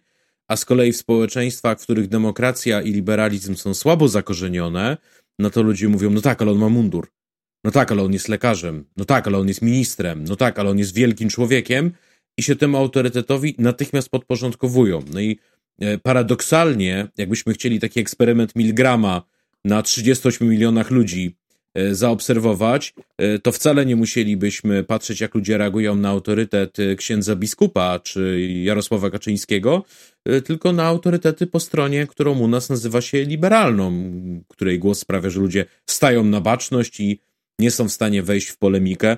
No i raz na jakiś czas taki chłodny, ironiczny uśmiech pojawia się na mojej twarzy, kiedy widzę, jak Donald Tusk dokonuje wolty o 180 stopni w jakiejś sprawie i teraz wszyscy jego zwolennicy i wszyscy dziennikarze muszą udawać, że od zawsze byliśmy na wojnie z Oceanią, no i w żaden sposób nie mogą przecież skrytykować szefa, no więc wiją się próbując wykazać, że jednak on jest przy racji, no i w końcu pojawił się intelektualista, który dał im takie blankietowe rozprawienie się z tym problemem w postaci Sławomira Sierakowskiego, e, który powiedział, że E, lekiem na, e, na populizm musi być oświecony populizm. Teraz my używaliśmy w tym podcaście bardzo podobnego określenia, więc ktoś mógłby pomyśleć, że mówimy o tym samym, ale mówimy Oj, o czymś zupełnie innym. Bo my oświeconym populizmem nazywamy politykę społeczną i gospodarczą i kulturalną i każdą inną ukierunkowaną na lud, nie na elity, które ma odpowiedzieć na jego słuszne postulaty, roszczenia, rewindykację. Natomiast y, Sławomir Sierakowski mówi, że oświecony populizm to jest taki, który umożliwia wygranie wyborów i natychmiastowego porzucenie dzień po tym, jak padną słowa panie Tusk jest pan już premierem. I wtedy już trzeba przestać być populistą. To nie jest oświecony populizm, to jest demagogia. Sławomir Sierakowski nie jest jedynym nazwiskiem na tej liście, bo podobna przypadłość dopadła e, profesora Sadurskiego, który przecież napisał całą 600-stronicową książkę o populizmie, na najróżniejsze sposoby go piętnując, opisując, rozbierając na kawałki, dokonując wiwisekcji i krytycznej analizy, by w kluczowym momencie kampanii e, roku 23 stwierdzić, że koniec końców e, ko koalicja z Konfederacją to nie jest najgorsze, co mogłoby być i właściwie, żeby pokonać, cytuję z pamięci, ale żeby pokonać populistów, trzeba samemu populistą być i się populizmem nie brzydzić, co w jakimś sensie chyba podważa wszystkie jego wcześniejsze diagnozy, ale dobrze też pokazuje dwa zjawiska i tu już naprawdę postawimy postawimy kropkę. Po pierwsze, w jeden sposób to, to co przywołałeś, pokazuje po pierwsze e, podwójne standardy myślenia w elitach. To znaczy, jeśli my będziemy kłamać w słusznym celu, to właściwie nic w tym zdrożnego. No przecież my kłamiemy. Albo rozdawać pieniądze.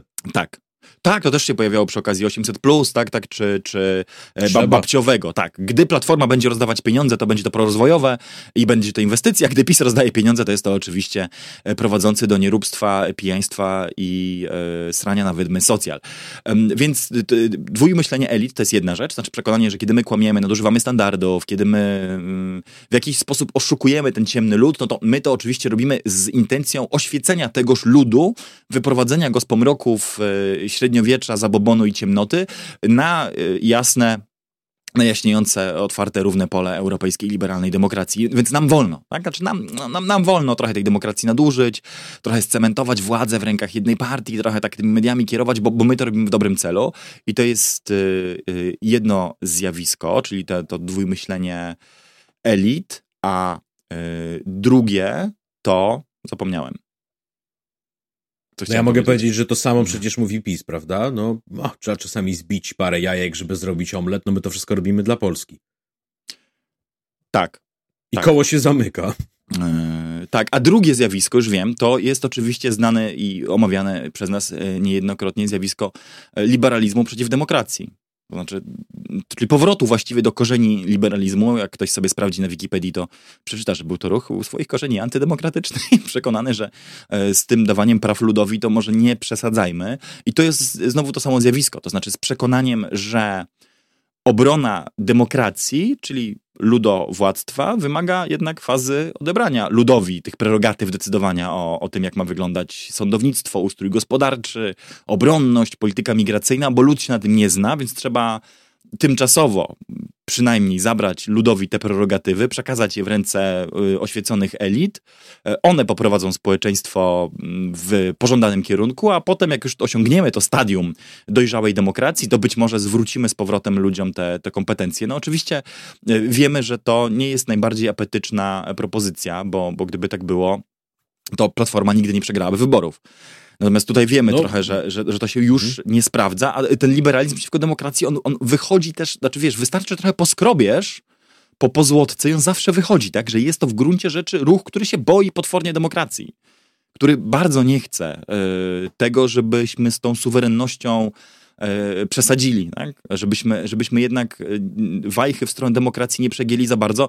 I znowu to też wcale nie jest wyłącznie przytyk e, w stronę Polski, bo kto się interesował powstawaniem ustroju amerykańskiego, Federalist Papers z całym sporem o konstytucję i o ustrój mhm. Ameryki, też wiedział, że w, u, u, grun, u podstaw powstania amerykańskiej republiki w gruncie rzeczy była ta sama, ta sama obawa. No, tylko jej rozwój, jej rozwój mm, Potem trochę ją e, przez różne fazy też y, różnych populizmów trochę tę obawę y, ukontekstowił czy rozpuścił. W Polsce, jako że jesteśmy trochę na innym, chronologicznie przynajmniej e, etapie, ta, ta obawa jest też bardzo mocna. Tak? Ona cały czas wraca, że musimy musimy przywrócić władzę elit, tych, co się znają, tych, co wiedzą, e, a ludzi możemy w celach strategicznych czy taktycznych e, w tym celu oszukać. Tu naprawdę dobrze, bo dygresje e, zajęły jedną, jak świetna proporcja, jedną trzecią części właściwej. Tu ja przynajmniej, mówię za siebie, jestem w stanie postawić kropkę i przejść do kolejnego segmentu.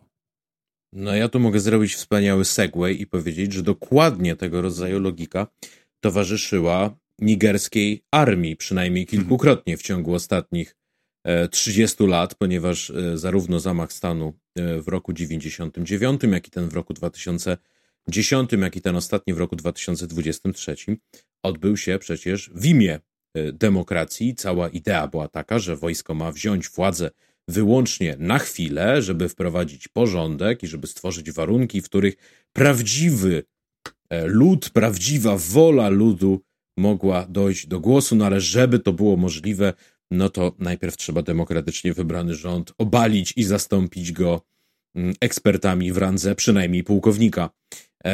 No i po ostatnim e, z tych e, zamachów znaleźliśmy się w sytuacji, w której junta jeszcze się trzyma, chociaż zobaczymy, co będzie dalej. E, ja będę bronił tezy, że siedzą na beczce z prochem, są otoczeni przez kraje, które patrzą niezwykle krzywo na ten zamach, dlatego bo obawiają się czegoś podobnego E, u siebie. Mam tu na myśli mm, wspomnianą przez ciebie na samym początku organizację Wspólnoty Gospodarczej Zachodniej Afryki, czyli ECOWAS albo Państw albo Zachodniej po, Afryki. To jest tak, to jest, widzisz, to jest tak nieszczęsne tak, ECOWAS e, po, francus, po e, angielsku albo CDAO po francusku. Ja ci dam po francusku. Mm, I Dalej mamy, e, dalej mamy e, no, wiodący kraj e, regionu, regionalne mocarstwo, czyli Nigerię. Nigeria ma 30 razy większą gospodarkę od Nigru i sankcje tych krajów na Niger są niezwykle dotkliwe. To znaczy one, jeżeli będą się utrzymywać, to nie będzie sytuacja nomen omen symetryczna z tym, co się dzieje w Rosji. W Nigrze ludzie będą po prostu umierać z głodu bądź umierać na choroby, z których normalnie mogliby być wyleczeni. Nawet nie wspominam o takich rzeczach jak to, że 70% energii, która do Nigru dociera, pochodzi z Nigerii, więc Nigeria może po prostu z łatwością człowieka, który wciska mm, przycisk w ścianie, mm, wyłączyć prąd i zgasić wszystkie światła e, w Nigrze. Mm, oprócz tego pamiętajmy, że jest to jeden z najbiedniejszych krajów nie tylko w Afryce, ale i na świecie. On należy do tego, co ja nazywam odwróconym G20 do 20 najbiedniejszych państw na świecie. E, średnia pensja w Nigrze to około 160-170 zł na polskie pieniądze. Mm, bardzo wielu ludzi dotyczy problem analfabetyzmu, braku dostępu do e, bieżącej wody. Mm, e, straszliwie sytuacja jest tam destabilizowana przez handlarzy narkotykami, przez handlarzy ludźmi. No, mamy tam także typowy dla Sahelu tysiącletni konflikt pomiędzy e, znajdującymi się na północy Tuaregami a E, ludnością, e, a ludnością czarną na południu. Mm, on także jest podszyty bardzo różnymi odcieniami różnic kulturalnych, etnicznych, ale także religijnych przez różne interpretacje islamu. No i nie ominęli w swoim tournée najwięksi tuzowie wojującego islamu Nigru, ponieważ jest tam równocześnie Boko Haram, Al-Kaida i państwo E, islamskie e, ze szczególnym uwzględnieniem potrójnej granicy, czyli Niger, e, Burkina Faso, Mali. Za chwilę jeszcze na imprezę przyjadą Wagnerowcy, podobno już tam w śladowych ilościach są, mm, a ten konflikt etniczny z Tuaregami, o którym mówię, on był chwilowo zażegnany, ponieważ Nigerska Partia na Rzecz Demokracji i Socjalizmu, bardzo dobra nazwa, dlaczego już w Europie partie się tak nie nazywają, e, przyjęła za element swojej polityki, aby zapraszać do współrządzenia. Możesz taką założyć. Nic ci nie stoi na przeszkodzie, żebyś założył i zarejestrował Mogę, w Polsce taką partię o takiej to, nazwie. Podejrzewam, że będzie to y, pierwsza partia, która uzyska poparcie na poziomie błędu statystycznego od czasów, kiedy Leszek Bubel stanął do E, do wyborów, ale nie, no pewnie paru pracowników naukowych by na taką zagłosowało. Nie doceniasz, e, nie doceniasz w, ka- partii W każdym razie y, polityką tej partii było dopraszać do współrządzenia przedstawicieli mniejszości etnicznych, uciec od pułapki tego, co niszczy Afrykę, czyli etnomatematyki wyborczej. Zatem, że podziały ideologiczne są fikcyjne, partie się nazywają socjalistyczna, liberalna, chrześcijańska, islamska, nieważne, to jest bez znaczenia, tak naprawdę są to partie grup etnicznych. Ten, kto wygra wybory, przyjmuje wojsko, przyjmuje policję, robi swoje porządki. Otóż w Nigrze próbowano sobie z tym e, poradzić. Doproszono do współrządzenia Tuaregów. Hunta już Tuaregów nie doprosiła. No i Tuaregowie rozpoczynają w tym momencie powstanie mm, i to powstanie e, pod wodzą Risy e, Akbuli, który jest bardzo doświadczonym nie tylko politykiem, ale i partyzantem, więc, więc możemy się spodziewać wojny domowej jeżeli sytuacja będzie dalej szła e, w tym e, kierunku. Podejrzewam, że jeszcze nawet nie wymieniłem połowy problemów, e, przed którymi Niger i junta, która właśnie doszła do władzy, stoi. No i cały czas jeszcze mm, w mocy pozostaje pytanie, czy kraje ECOWAS, względnie wsparte przez Stany Zjednoczone i Francję, przeprowadzą po prostu interwencję zbrojną. No, zastanawiam się, czy na tym etapie, jako nasz etatowy czołg, będziesz chciał jednak powiedzieć kilka dobrych słów w obronie, w obronie mm, sojuszników Federacji Rosyjskiej w regionie i przeciwników zachodniego imperializmu. Doskonale, że pytasz, bo właśnie ja byłem bardzo ciekaw, jak ty, jako osoba, która uważa, że nie ma takiego problemu, którego nie rozwiązałaby zachodnia interwencja zbrojna, patrzysz na interwencję w Nigrze. E, więc super, że wywołujesz, że wywołujesz od to, razu ten temat. Na pewno się dowiem od ciebie, jak, jak, tutaj, spra jak tutaj sprawnie przy pomocy trzech, trzech dronów e, i, i, dwóch batalionów e, przywrócić democracy e, and freedom for the people. E, więc, e, więc ten segment jeszcze przed nami. Natomiast cieszę się też, że zażartowałeś ze mnie w, w tym kluczu, bo oczywiście ja, jako osoba o, sentyment, o sentymencie głęboko rewolucyjnym, na samo hasło, że jakiś pułkownik bierze za broń i E, zabiera się za obalanie e, lokalnej władzy, powinienem stawać na baczność i krzyczeć hasta la Victoria siempre po prostu i salutować do, do, do ekranu. E, niestety, niestety, niestety ludzie, którzy sięgnęli za broń, w, za broń i po władzę w Nigrze, to nie jest młody Che Guevara, Fidel Castro, ani nawet Muammar Gaddafi, tylko ludzie wyszkoleni przez e, Amerykanów. I tu być może moja e, sympatia do puczystów się powinna natychmiast skończyć. I w gruncie rzeczy się kończy, bo nie wiem, czy wiedziałeś, ale amerykański I, i Francuzów muszę, muszę dodać, bo mm, e, wiesz, bo taka moja rola procesowa, ale e, kiedy Niger został niepodległym państwem, E, to jedynie 10 oficerów e, w armii nigerskiej było, e, było nigerskiego pochodzenia, całą resztą byli Francuzi i ta wierchuszka zazwyczaj kończyła Sonsy, Recol de Guerre. No i pamiętajmy, że przez ostatnie 10 lat razem z Francuzami prowadzili wojnę przeciwko dżihadystom, więc te powiązania pozostają silne i zresztą sam przywódca hunty, czyli Abdulrahman Chiani, jakoś wcześniej z Francuzami dobrze żył. E, no właśnie, bo wraz z dojściem e, hunty e, wojskowej do władzy w Nigrze po raz pierwszy widzimy na własne oczy grupę bardziej antyfrancuską niż brukselska redakcja Politico. To warto docenić na, na tle wszystkiego, co w, tym, co w tym programie dotychczas mówiliśmy. Amerykański portal The Intercept doliczył się, że wyszkoleni przez Amerykanów żołnierze w randze od pułkownika po generała uczestniczyli w ostatnich 10 10 latach w aż 11 puczach w Afryce subsaharyjskiej. E, to jest liczbą, nawet jak na skalę regionu, dość, dość imponującą. Ja trochę y, w dzisiejszym odcinku w sprawie Nigru, wiesz, zajmuję stanowisko y, okrakiem na płocie, bo z jednej strony nie chcę być tą osobą, która y, wszystko zwala na zły Zachód i dopatruje się ręki amerykańskich czy francuskich imperialistów, rewanżystów w każdym lokalnym konflikcie, ale dla kolorytu tej dyskusji trochę takich argumentów postanowiłem wrzucić, wiesz, bo fundamentalnie Zgadzam się z interpretacją, którą przedstawił ACLAD. To jest kolejny paskudny akronim w dzisiejszym e, odcinku. ACLAD to jest Armed Conflicts e, Localization and Events Database. Chyba tak. E, to byłby ACLED. Tak. Y, no dlatego mówię, akronim jest paskudny. Niezależna organizacja monitorująca przemoc y, zbrojną, y, wojny i konflikty na całym świecie, więc ja fundamentalnie... No jacyś tam różowi pisnicy, tak. Nie, skąd, skąd? Mieli, mieli nawet kiedyś, to ci uwiary, to uwiarygodni ich w twoich oczach, mieli kiedyś nawet finansowanie z Departamentu Stanu przez chwilę. A nie, to, to, to, to możesz, ludzie. Możesz, od, dalej. Możesz, możesz odetchnąć z ulgą. Uf, że swoi. E, jak Aklet policzył... Mm, i, e, i, I, zgadzam się z tą, z, tą, e, z tą analizą. Po pierwsze, liczba e, zamachów terrorystycznych, czy w ogóle zdarzeń z użyciem przemocy na tle jakby terrorystycznym czy dżihadystycznym w Nigrze spadała i była, owszem, no, straszna jak na standardy, nie wiem, europejskie czy zachodnie, ale bardzo mała na tle regionu, bo o cały rząd wielkości mówiliśmy o kilkuset rocznie yy, zgonach. E, to w sąsiednim Mali czy Burkina Faso mówiliśmy tak od 2,5 do 3,5 tysiąca e, zabitych wskutek działalności różnych ugrupowań e, terrorystycznych, separatystycznych, fundamentalistycznych czy po prostu zbrojnych bojówek. Tak, jeśli pozwolisz, że dokrzyczę, w pierwszym kwartale tego roku w regionie Sahelu w zamachach terrorystycznych zginęło 4600 osób, a w Nigrze 77, co pokazywało, że jednak ta współpraca wojskowa z Francją i Stanami Zjednoczonymi coś daje.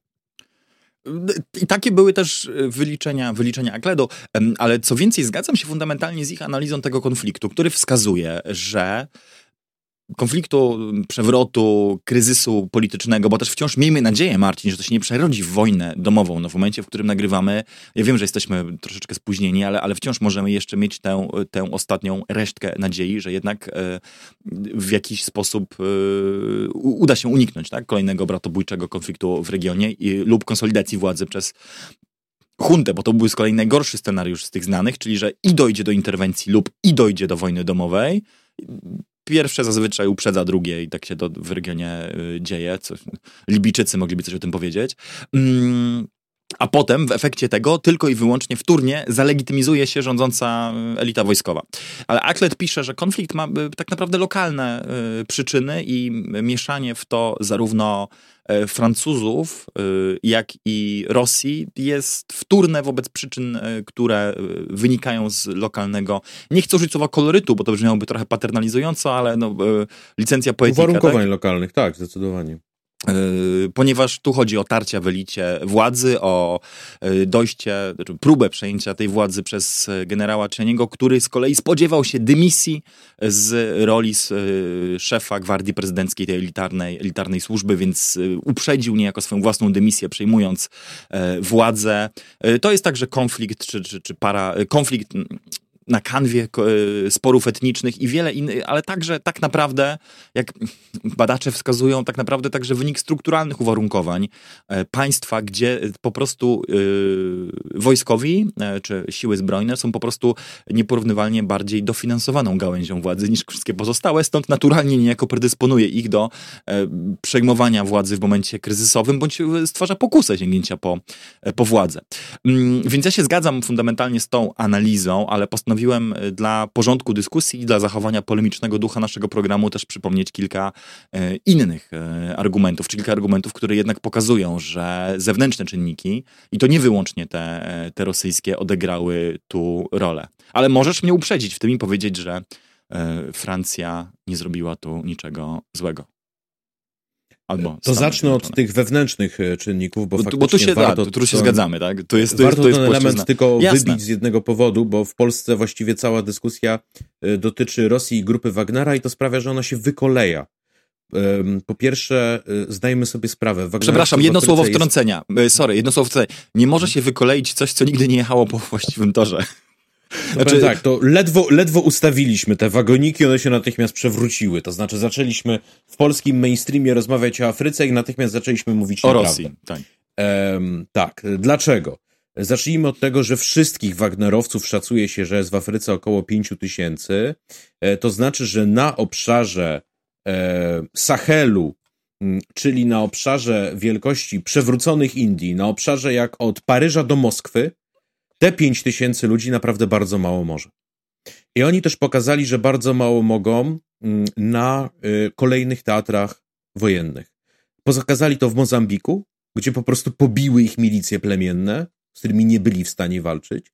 Pokazali to w Mali, gdzie e, armia francuska po operacji Serval, e, czyli w 2014 roku, skutecznie rozbiła siły dżihadystyczne, wyzwoliła Timbuktu, co było powiedziałbym, symbolicznym upadkiem mm, tego tworzącego się e, kalifatu. Zresztą była wtedy przyjmowana jak bohaterowie przez, e, przez malijską e, ludność. Jak szybko te te nastroje się zmieniają, kiedy druga faza wojny przebiega dużo gorzej.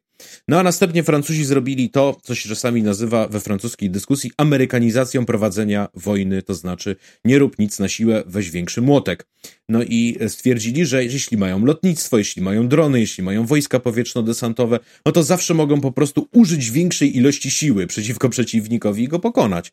No tak, w tym rozumieniu mieli rację, tylko problem z tą racją polegał na tym, że wiodło to do sytuacji, w której cały czas odnosili zwycięstwa militarne i cały czas ponosili porażki polityczne. Ponieważ dżihadyści się szybko wycwanili, przestali walczyć z Francuzami, zaczęli atakować armie krajów sojuszniczych, dużo słabsze, gorzej wyszkolone, gorzej uzbrojone, i zaczęli atakować cywilów, którzy z Francuzami współpracują. No a jako, że Francja ma podobne ilości wojska tam, 4600 ludzi, no to nie mogli być wszędzie, nie mogli być zawsze, no to cywile się szybko nauczyli, że nie ma co z obcymi współpracować, no bo pod osłoną nocy przyjdą dżihadyści, zastrzelą wszystkich mężczyzn we wiosce, zgwałcą kobiety, rozkradną co jest, zrobią z naszej wioski przykład dla e, innych. Mm, ten, e, to szczególne uprzywilejowanie siły pociągnęło za sobą jeszcze jedną negatywną konsekwencję. Wiodło mianowicie do tego, że bardzo starano się, żeby dobrze przeszkolić, dobrze uzbroić, dobrze dofinansować miejscowe armie.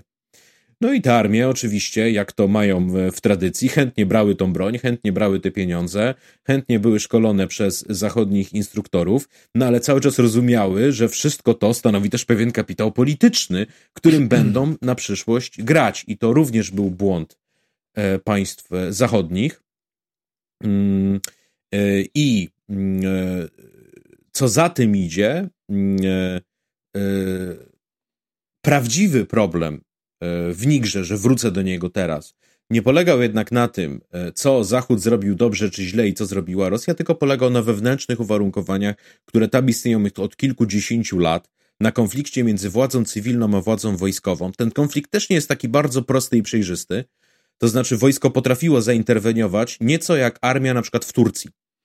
To znaczy, naprawdę był prezydent, który powiedział: Dobra, to ja od tej pory mogę być dowolną liczbę kadencji, bo sobie sfałszowałem referendum.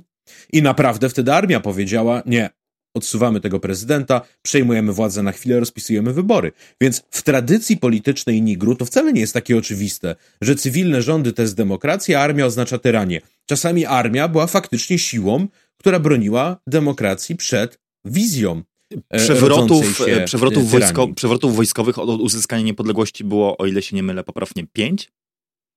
E, pięć udanych, no bo no tak. drugie tyle należałoby doliczyć przewrotów wojskowych, których próbowano, a się nie udały. Przecież w ciągu ostatnich pięciu lat były dwa przewroty udaremnione, zresztą jeden udaremniony przez Czyaniego jako przywódcę E, gwardii prezydenckiej, no bo gwardia prezydencka formalnie po to istnieje, żeby udaremniać e, zamachy przeciwko legalnej władzy. Ironią jest, kiedy sama gwardia e, dokonuje takowego zamachu. No i faktycznie prezydent Ahmed Bazum podjął decyzję o tym, że musi dokonać czystki w wojsku, ponieważ, przepraszam, Mohamed Bazum dokonał decyzji o tym, że musi dokonać czystki w wojsku, ponieważ nie może polegać na armii, która zdradza ambicje polityczne i wyrzucił szefa sztabu generalnego, wyrzucił szefa żandarmerii narodowej, no i pogłoski były takie, że szef gwardii prezydenckiej będzie następny. No to Chiani nie czekał na dalszy rozwój wypadków i, ym, i y, uruchomił plan, który podobno już od wielu miesięcy istniał, y, odsunięcia prezydenta od władzy. I teraz co się dzieje? Czy Francuzi wiedzieli? Nie wiemy. Le Figaro, e, które no, jest jednak wiarygodną e, gazetą, podaje, że francuski wywiad uprzedził Macrona na kilka godzin przed zamachem o tym, że będzie on miał miejsce i Macron miał nie zgodzić się na to, żeby wysłać tam e, siły specjalne. E, nie w ogóle wojsko, bo 1500 Francuzów, jak było w Nigrze, tam, tak jest tam do tej pory, e, od, e, od lat 60., od dekolonizacji Francja tam ma obecność wojskową. Zaznaczmy, że nie, zaznaczmy, że, zaznaczmy, że nie tych samych. Słucham? Zaznaczmy, że nie tych samych. Że to nie jest to samo tysiąc Francuzów, nie, nie stacjonuje tam od lat 60. Nie, to nie jest, to jest ten sam 1500 ludzi, ale powiedzmy niosą dalej sztandar od, od 1890 roku z grubsza. Um, I miały się tam pojawić wojska specjalne, Macron się miał na to nie zgodzić, no bo byłoby to odebrane jako interwencja o charakterze postkolonialnym. E, no, e, e, być może była to decyzja błędna, biorąc pod uwagę, że, że Bazum został od władzy odsunięty. A co z kolei robią Rosjanie? Pierwsze kilkanaście godzin nic nie robią, jest w ogóle cisza na linii i, i nie wiadomo, jakie jest rosyjskie stanowisko. Następnie przemilczenie przerywa Ławrow, który mówi, że Rosja popiera legalne władze, i wzywa do dialogu. Następnie znowu jest długie milczenie i następnie pojawiają się mm, e, pojawiają się doniesienia o ludziach, którzy biegają z rosyjskimi flagami. Mogę? Zapewne otrzymali je. E, tylko dokończę zdanie.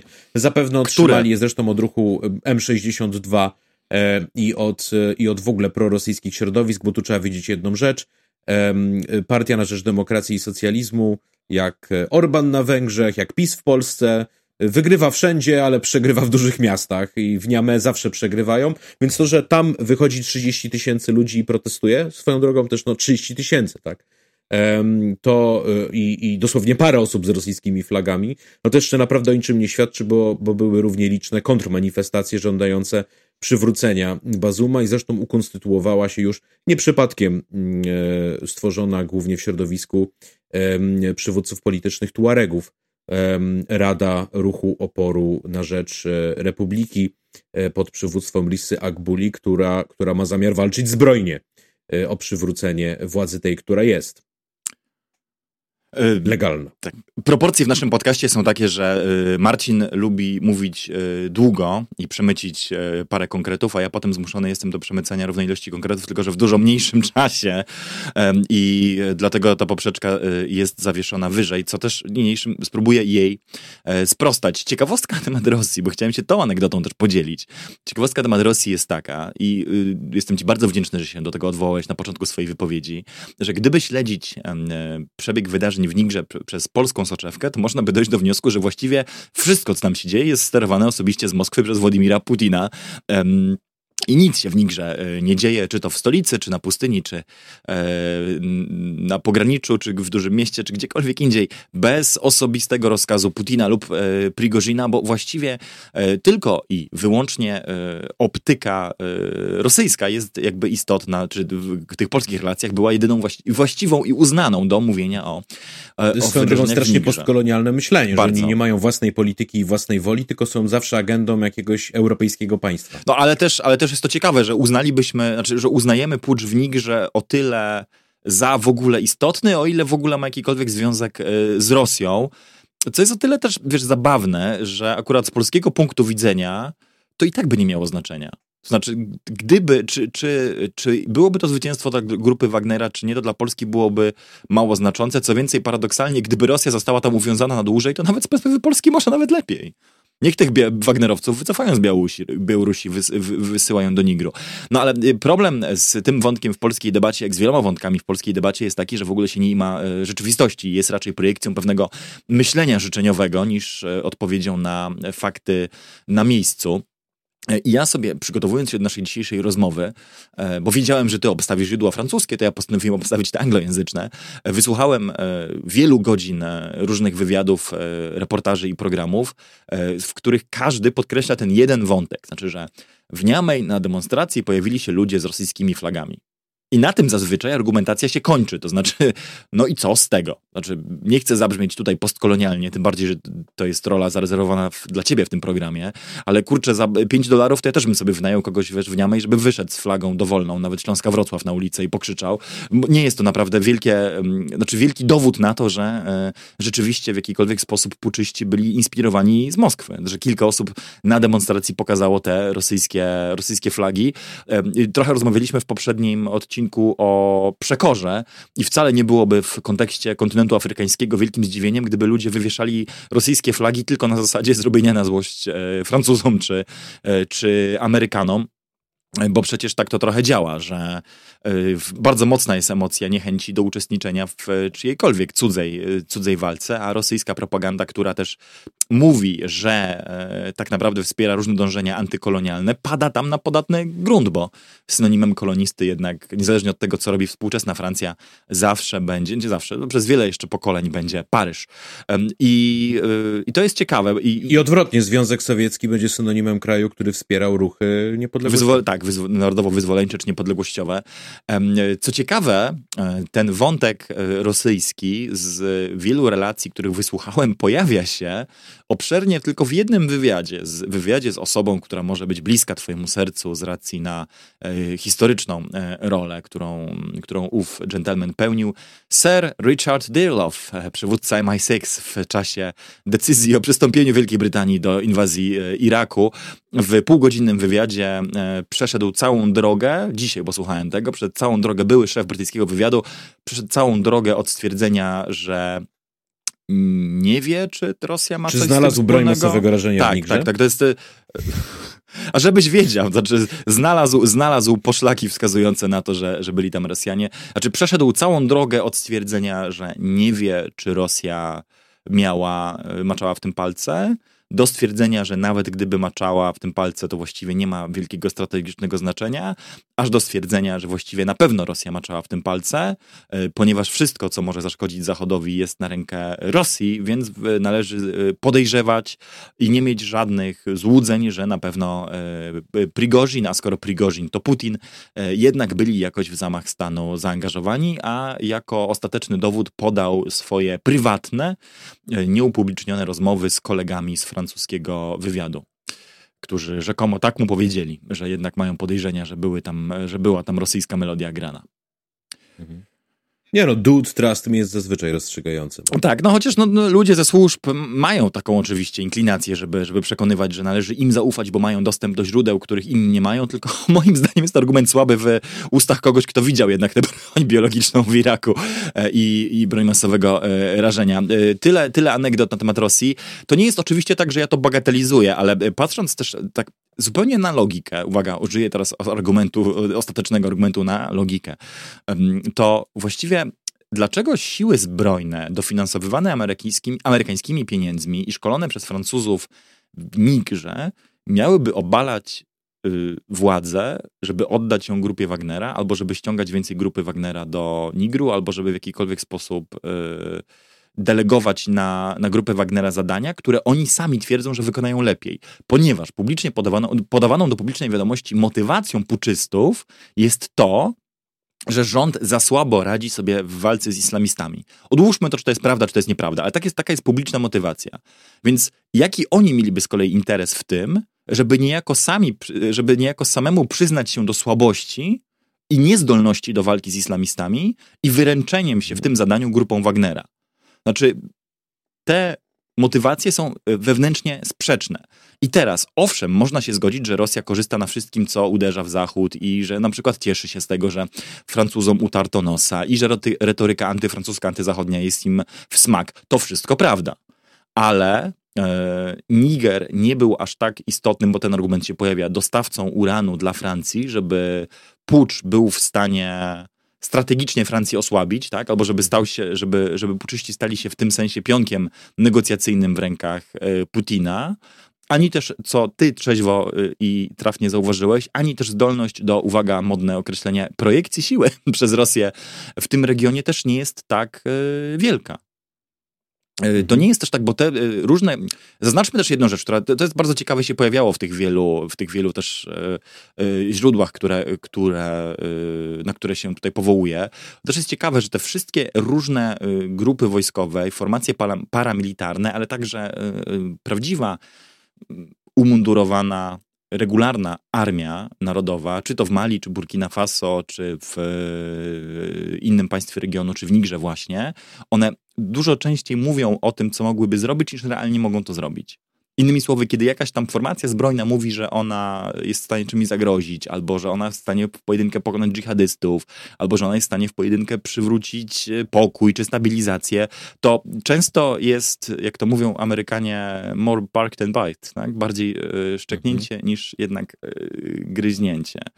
Um, i tak, tak też jest w tym przypadku. Znaczy nie ma sytuacji, moim zdaniem, nie ma sytuacji, w której yy, i tak już przecież jakby i osłabiona, i, i tak naprawdę niezdolna też do, do yy, walki na kilku frontach jednocześnie Rosja nagle stanie się w pojedynkę arbitrem konfliktu w Nigrze, w sytuacji, w której niepomiernie bardziej zamożne i bardziej zaangażowane w regionie kraje, takie jak Francja czy Stany Zjednoczone, nie były w stanie tego zrobić.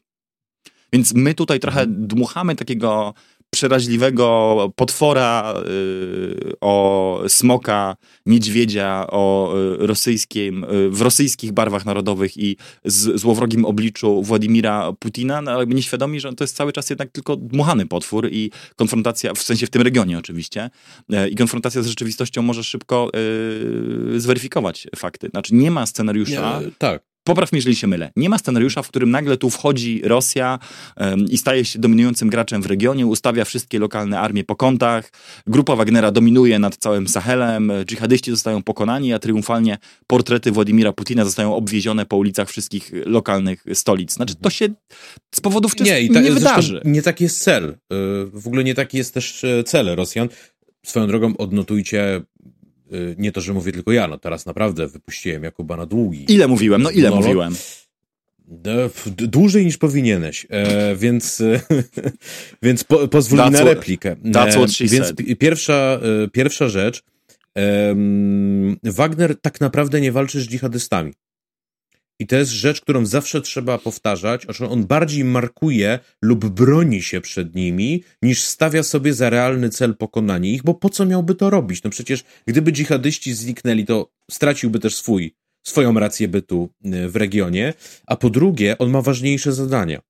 Pierwsze zadanie, które ma, to widać chociażby doskonale na przykładzie mm, Mali czy Republiki Środkowej Afryki, to jest osłona reżimu, który jest, tak? Czyli on de facto wchodzi w rolowej gwardii prezydenckiej.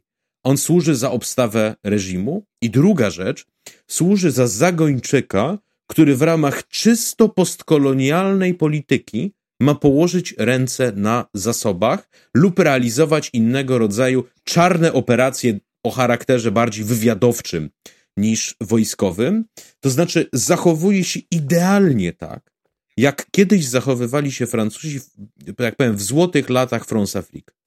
Kiedy tacy ludzie jak Bob Denard, e, czy, mm, czy Jacques Foccart realizowali e, i reżyserowali francuską politykę afrykańską już po tym, jak formalnie przestały istnieć imperia kolonialne, ale właśnie wszystkie te zagrywki typu e, my nie wiemy, kto to jest, to są jacyś najemnicy, którzy są teraz w Katandze albo w Biawsze, sabotaż przemysłowy, kradzież surowców i tak dalej. To wszystko jest z francuskiego podręcznika postkolonializmu, tylko że Francja się od tego odsunęła, nie zachowuje się, jak gdyby był rok 1923 albo 1973.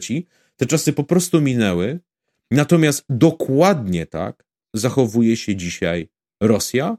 I jednym z głównych powodów jej obecności w Afryce jest to, że można się nakraść diamentów, uranu, jakichkolwiek tam surowców by nie było, i z wykorzystaniem państw zatoki je upłynnić i tym samym zarabiać pieniądze, które są w realiach reżimu sankcyjnego dla Rosji, a nawet ściślej mówiąc, dla elity władzy w Rosji, dla tych różnych klanów, siłowików, dla tych różnych mm, ludzi blisko kremlowskiej władzy, bardzo teraz potrzebne, więc oni dywersyfikują swoje przychody via Afryka, więc Patrzę teraz w stronę e, wszystkich czołgów, którzy nas w tej chwili oglądają i zaraz będą grzmić na e, Twitterze, że krajem jedynym dzisiaj, który w takim nigrze realizuje politykę par excellence postkolonialną, e, ze wszystkimi typowo postkolonialnymi zagrywkami, jest Afryka i jedynym krajem, który Rosja, dzisiaj powiedzieć. popełnia, jest Rosja, i jedynym krajem, który dzisiaj w tamtej części świata popełnia zbrodnie wojenne jest Rosja. Możecie sobie wygooglować miejscowość Mura, e, w której e, to kolejne zresztą zastosowanie Wagnerowców. Wagnerowcy nie chcieli e, bić się z dżihadystami, woleli wspierać istniejący reżim w Mali oparty na ludzie Bambara przeciwko mniejszościom etnicznym i wymordowywać fulanów, kobiety, dzieci, bezbronnych mężczyzn i ich masowe groby można w Mali odnaleźć. Krótko mówiąc, reżimy te szukają sobie partnera, z którym nie trzeba się martwić o jakąś tam demokrację, o jakieś prawa człowieka, o jakieś prawa mniejszości, bo Rosjanie nie będą ich z tego rozliczać. Przeciwnie, Rosjanie chętnie pomogą im mordować i żeby tu raz jeszcze być absolutnie konsekwentnym. Tak, dokładnie te same rzeczy robili Francuzi na Madagaskarze, w Algierii, czy jeszcze w żywej pamięci w Ruandzie. Tylko nie w 2023 roku i nie w Nigrze. Więc musimy nauczyć się odróżniać te sytuacje i odróżniać e, epoki e, historyczne. Jeżeli ktoś dzisiaj robi postkolonializm, to robią go Rosjanie w oparciu o autorytarne e, i okrutne reżimy.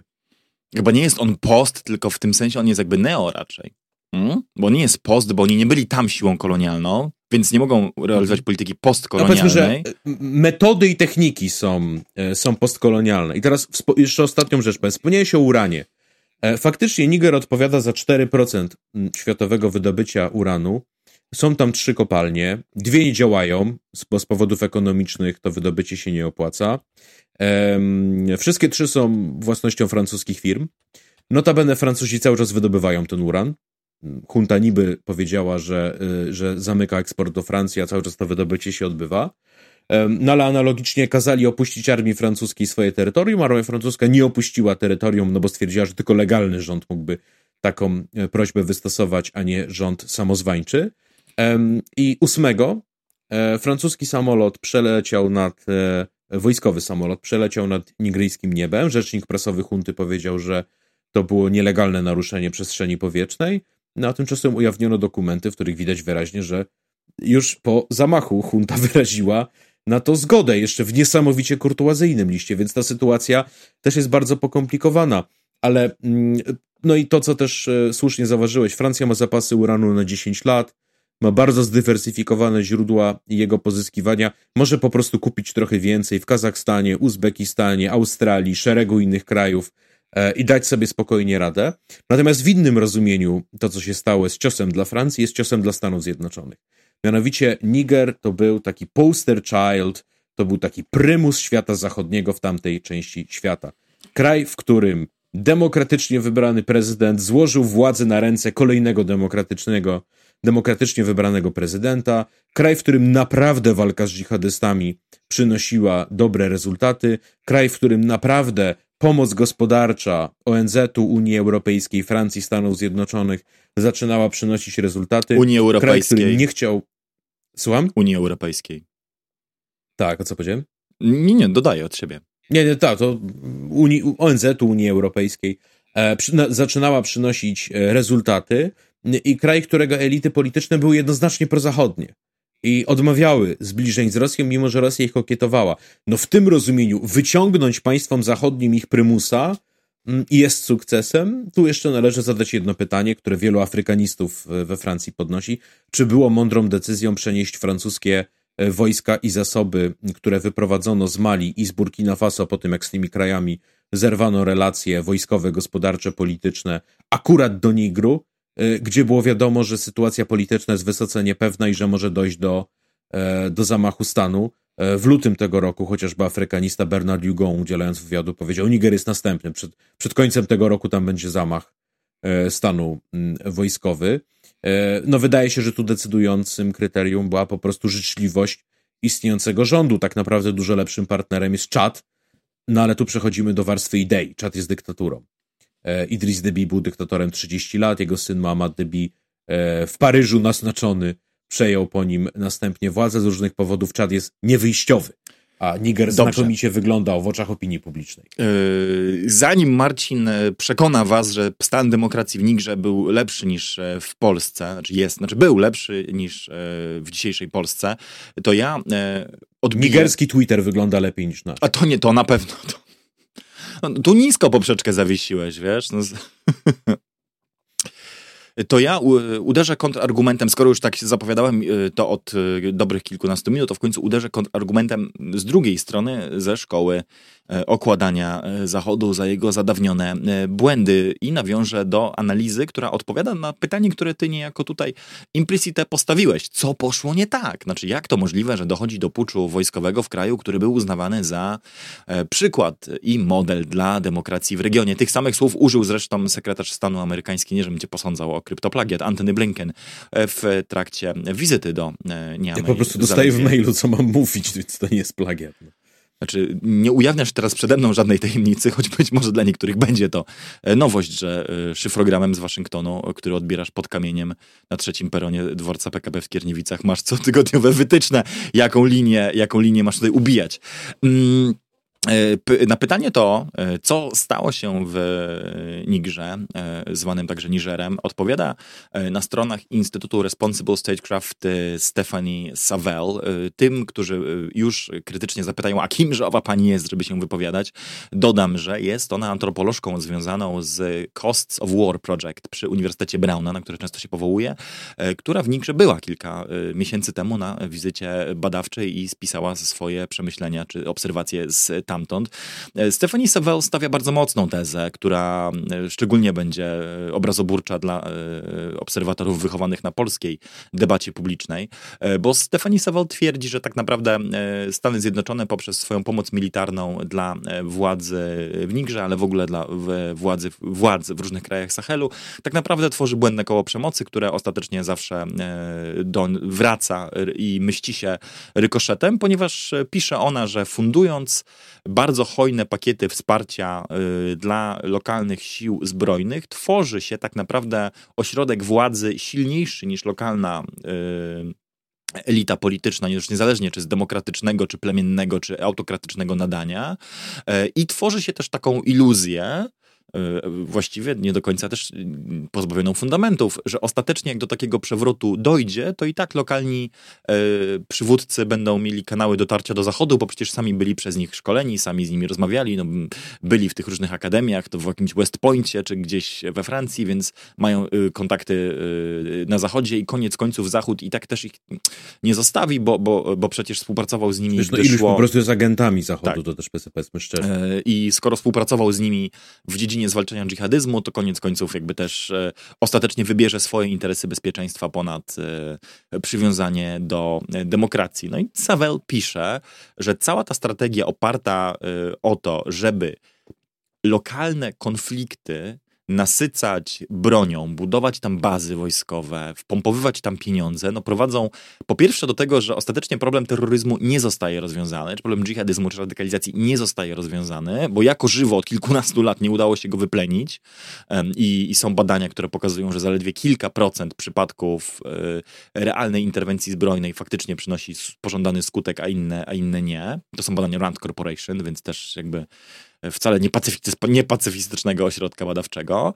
Natomiast przynoszą ze sobą inne, inne e, konsekwencje. Właśnie takie konsekwencje, że jak w kraju jest za dużo broni, za dużo okazji, żeby po nią sięgnąć i przy okazji to jest jakby świetny sposób jeszcze, żeby zarobić na, na życie, no to być może yy, i jeszcze tworzy się silne, silne struktury wojskowe, no to być może prędzej czy później wojskowi sięgną yy, po władzę. I tutaj z pomocą yy, Savelle przychodzi, co prawda niecytowany przez nią, bo ona się powołuje na wcześniejszą wersję, ale jest taki nowy raport E, United Nations e, Development Program, czyli Programu Rozwojowego Narodów Zjednoczonych, bardzo świeża rzecz, nowy raport, który wskazuje, że główną przyczyną dołączania e, przez młodych mężczyzn w krajach Afryki subsaharyjskiej, badani byli także młodzi Nigryjczycy, do bojówek fundamentalistycznych nie jest już religia. Co ciekawe. Ten odsetek spadł od 2017 roku. E, I, e, I dzisiaj jest już trzecim tylko powodem dołączania do różnych bojówek fundamentalistycznych czy ekstremistycznych. Okazało się, że na pierwsze miejsce e, wyłania się chęć uzyskania pracy. Nie, przepraszam, na drugie miejsce. Na drugie miejsce, na drugie miejsce wyłania się chęć zdobycia pracy, a pierwszym powodem jest doświadczenie przemocy ze strony rządu lub struktur mundurowych.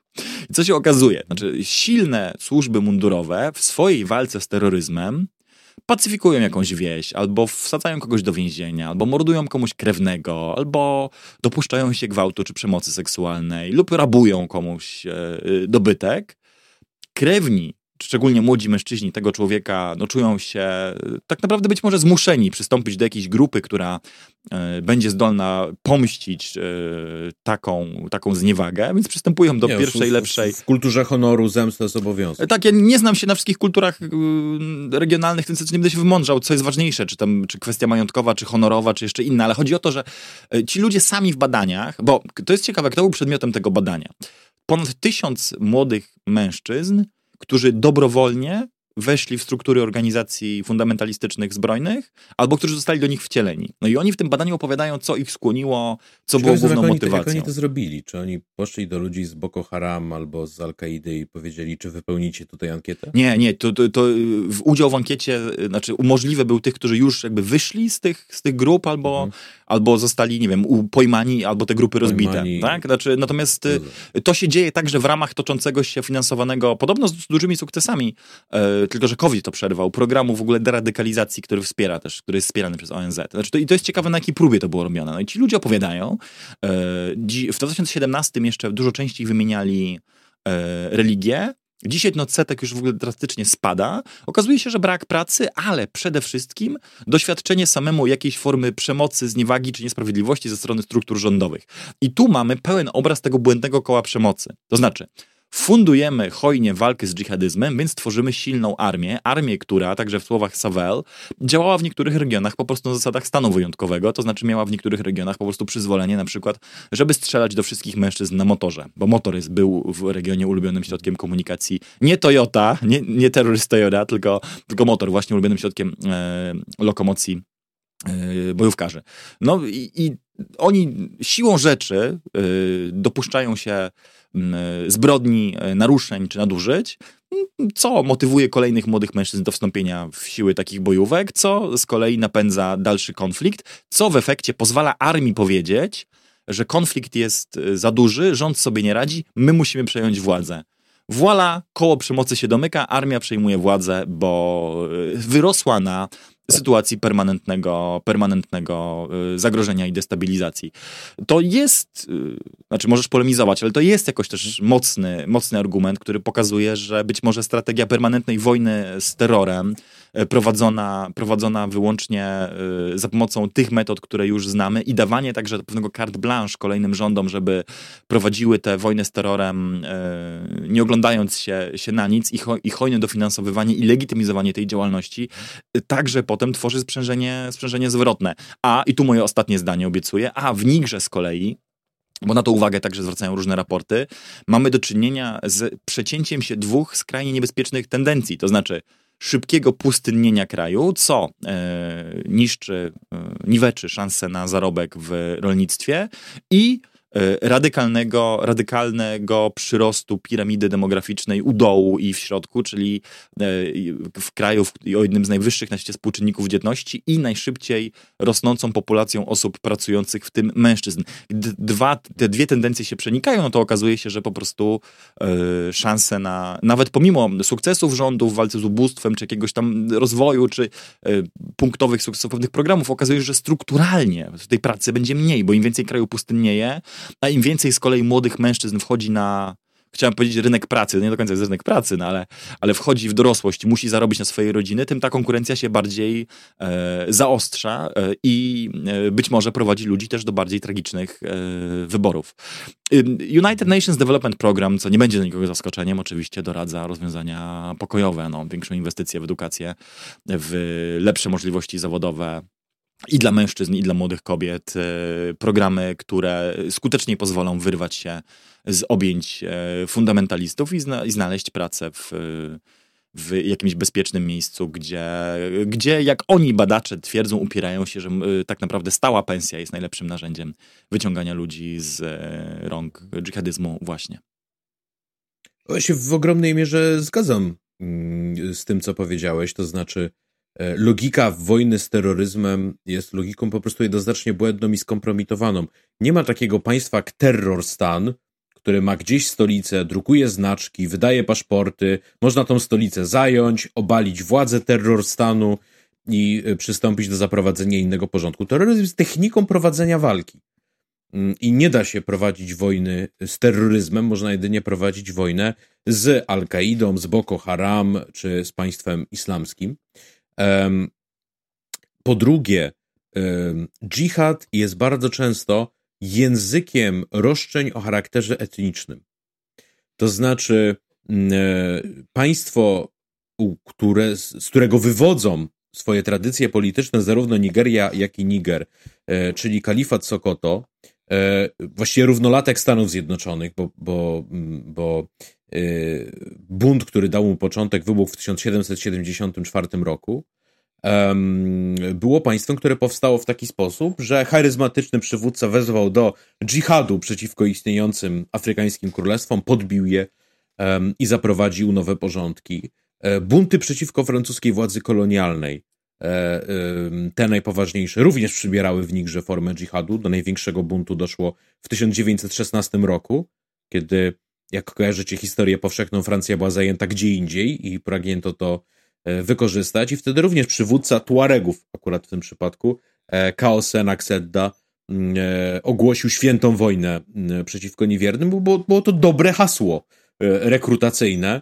Mm, i zresztą dzisiaj, dzisiaj na przykład Al-Kaida działająca na terenie Nigru odwołuje się do obydwu tych zrywów, o których właśnie powiedziałem, twierdząc, że to jest pewien element tradycji, którą oni jedynie chcą na nowo ożywić.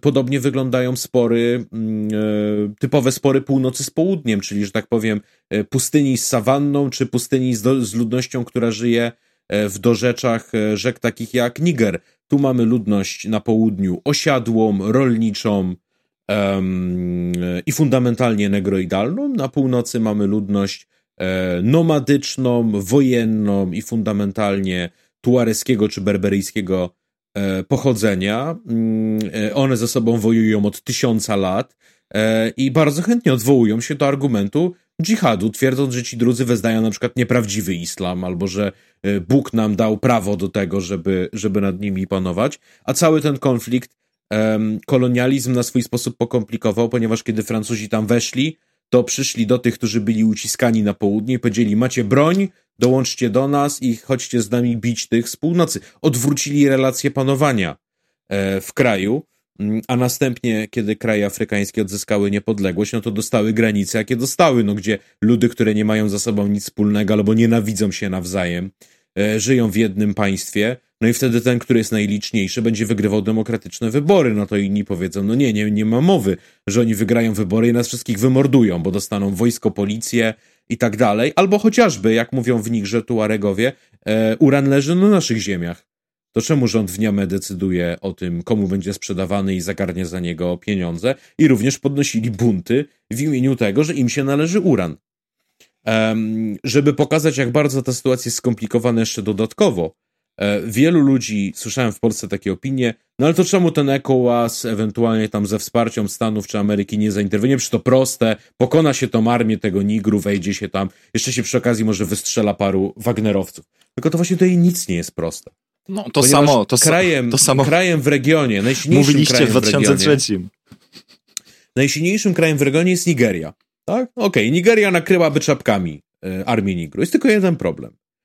Um, lud, który zamieszkuje południowy Niger i północną Nigerię, Hausańczycy to jest jeden lud. I stanowią oni 40% sił zbrojnych Nigru, ponieważ tradycyjnie są tym ludem wojennym. Krótko mówiąc, Nigeria musiałaby się zdecydować na to, żeby prowadzić bratobójczą walkę i zabijać swoich pobratymców w imię tego, żeby ulokować inny rząd e, w stolicy sąsiedniego państwa.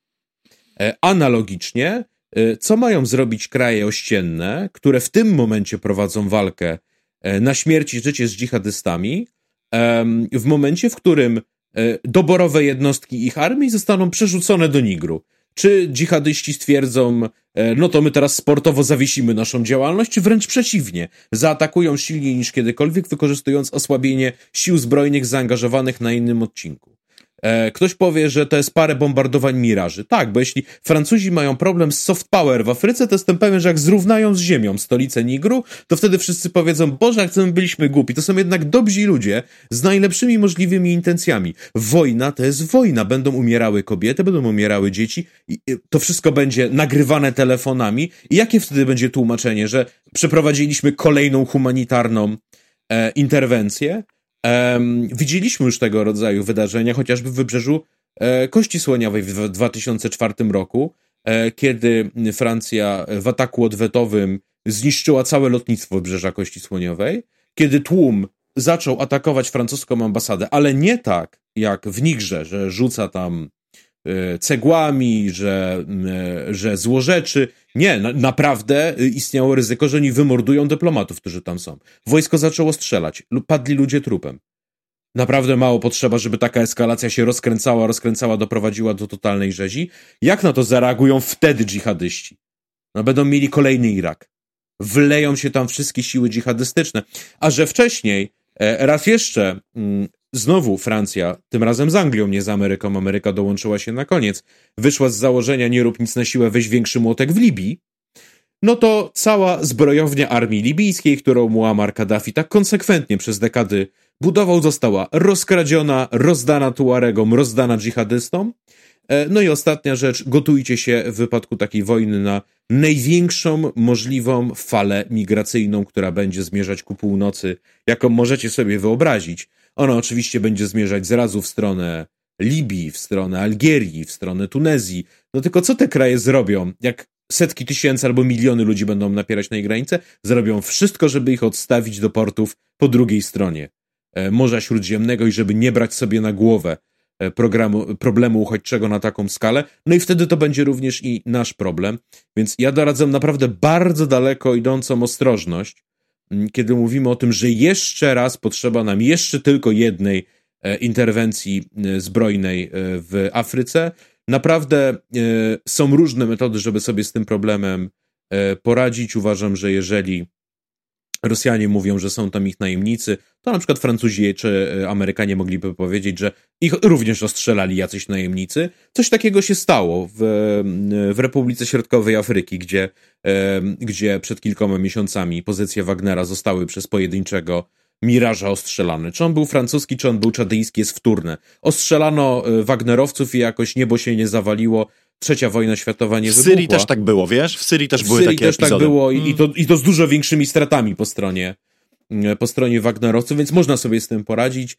E, poza tym z Nigerii mm, e, przybyli ludzie, którzy cieszą się autorytetem po obydwu stronach, no chociażby, e, chociażby emir, mm, który jest, emir Kano, który jest Mm, duchowym przywódcą sufitów w tym regionie i jest traktowany z atencją i przez huntę, i przez przeciwników hunty, więc nie jest wykluczone, że zostanie wymyślony jakiś scenariusz pośredni, gdzie na przykład hunta ustąpi albo częściowo ustąpi, może nie powróci do władzy prezydent Bazum, ale ktoś związany z jego obozem. Przyjrzałbym się bardzo dokładnie wszystkim opcjom, zanim podjąłbym decyzję o kolejnym koszmarnym konflikcie który pochłonie ogromne ilości ofiar i na który dżihadyści będą zacierać ręce.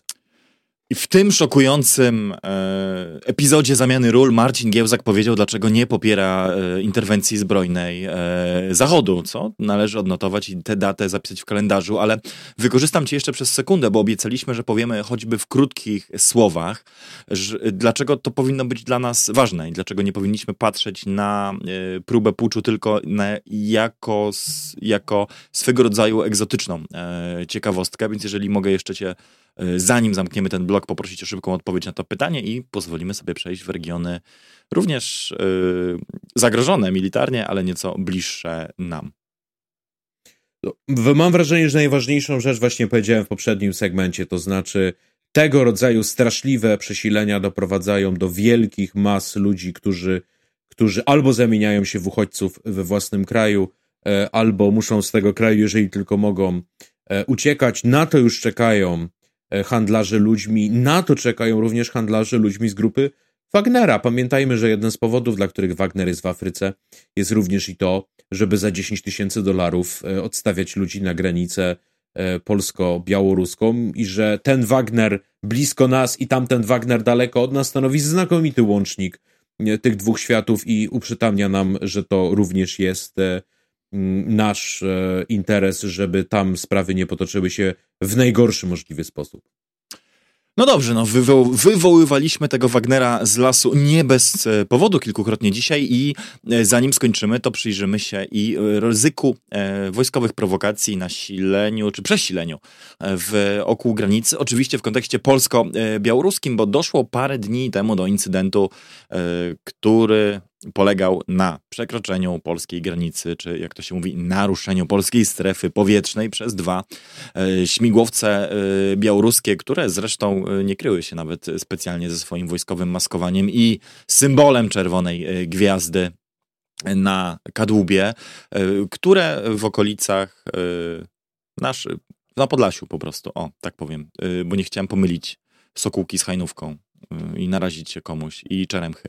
E, e, byś nie pomylił z Hobielinem. Dokładnie. Ukazały się e, i dały się sfotografować lokalnym obserwatorom przestworzy, ale także po prostu mieszkańcom, co stanowiło prowokację samą w sobie. Nie no, wręcz wiesz, pozowali do zdjęć, no 10 minut latali, tak. zawiśli w pewnym momencie, wracali, przylatywali z powrotem, no zależało im na tym, żeby być widzianymi. Dokładnie i my spróbujemy przyłożyć do tej sytuacji termometr. No, wojna hybrydowa, panie, czy tylko incydent, czy testowanie naszej cierpliwości, czy wszystko trochę e, naraz. Sytuacja, która wymaga od nas największej powagi, czy raczej przeciwnie, pewnego chłodnego spokoju i wyliczenia zaniedbań, ale zarazem stwierdzenia, że do niczego strasznego nie doszło i być może to właśnie tylko na wywołaniu pewnej paniki czy wzmożenia autorom prowokacji zależało. Jak to widzisz, Marcinie?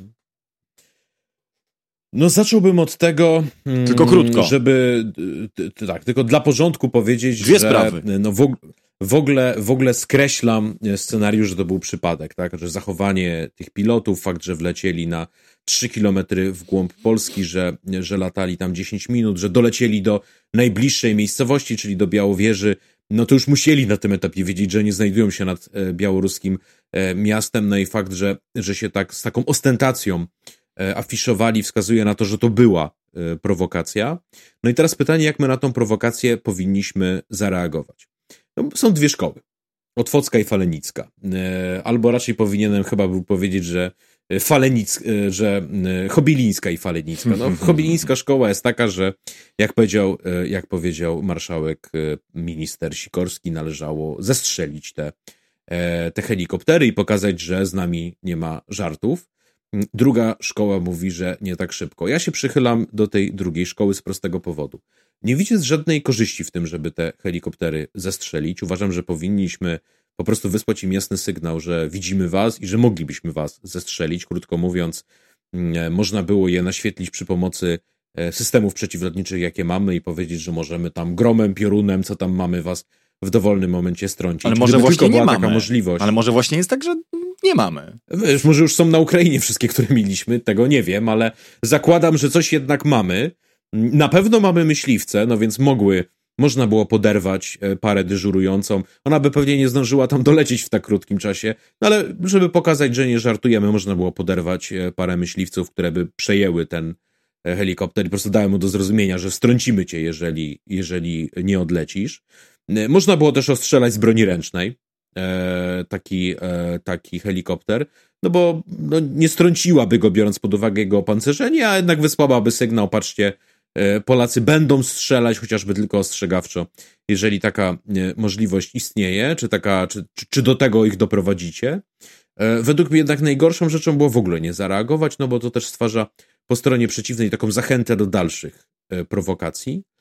Choć uważam, i tu zacytuję przyjaciela tego podcastyjczyka, który o sprawach wschodnich wie, jak sądzę, więcej niż my dwaj razem wzięci, to znaczy Witolda Jurasza, który powiedział, że najbardziej by przemówiła e, Łukaszence i jego ludziom e, do e, rozumu zupełnie inna odpowiedź, mianowicie gdyby Donald Tusk, Jarosław Kaczyński i Andrzej Duda wystąpili na wspólnej konferencji prasowej, na której powiedzieliby, że wiele nas dzieli, ale łączy nas to jedno, że będziemy bronić polskiej granicy, że jesteśmy zjednoczeni w sprawach obronnościowych i że żadne prowokacje nie doprowadzą do tego, że się między sobą pokłócimy, że e, opozycja zacznie krzyczeć, że e, Polska jest bezbronna i w razie inwazji upadłaby w 24 godziny, e, a rząd zacznie kłamać, że żadnego helikoptera nie było, potem zacznie mówić, że może był, ale, mm, ale na chwilę, potem zacznie mówić, że może był na dłuższą chwilę, ale to i tak jest bez znaczenia, a potem w jakiś sposób powie, że to wina Tuska.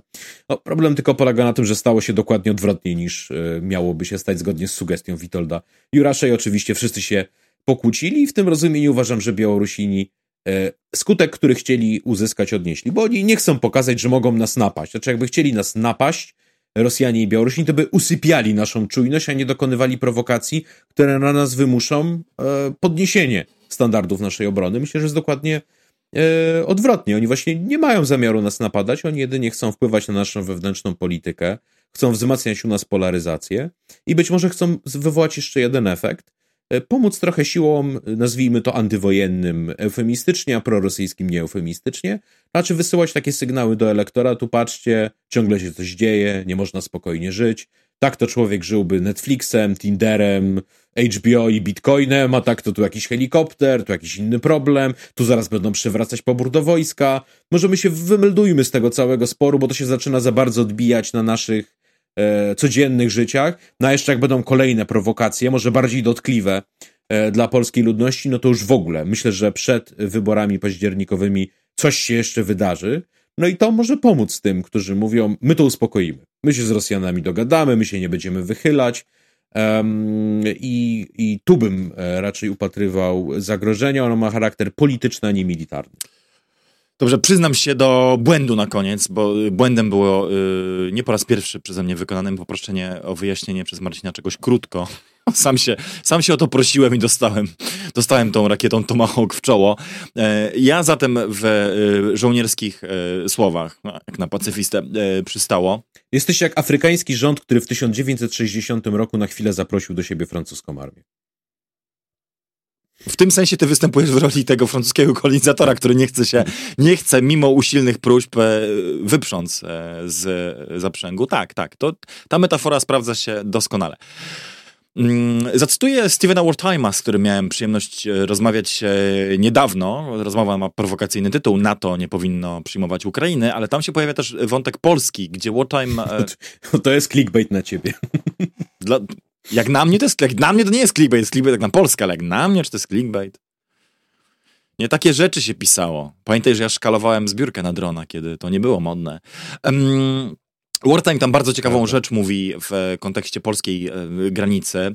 Mianowicie e, jego zdaniem istotnym celem Rosji i poniekąd także Białorusi jest wykazanie, że istnieje NATO dwóch prędkości i że e, nie ma takich samych gwarancji bezpieczeństwa dla Polski, na przykład Łotwy, Słowacji, czy Estonii, jakie byłyby hipotetycznie dla Wielkiej Brytanii, Niemiec e, czy Francji, więc ergo także nie mogą istnieć dla Ukrainy. No i jakby Rosja to jakby może wykazać dwutorowo. Czegoś Doktryna Takera Carlsona, tak? Prawdziwe europejskie państwa Polska.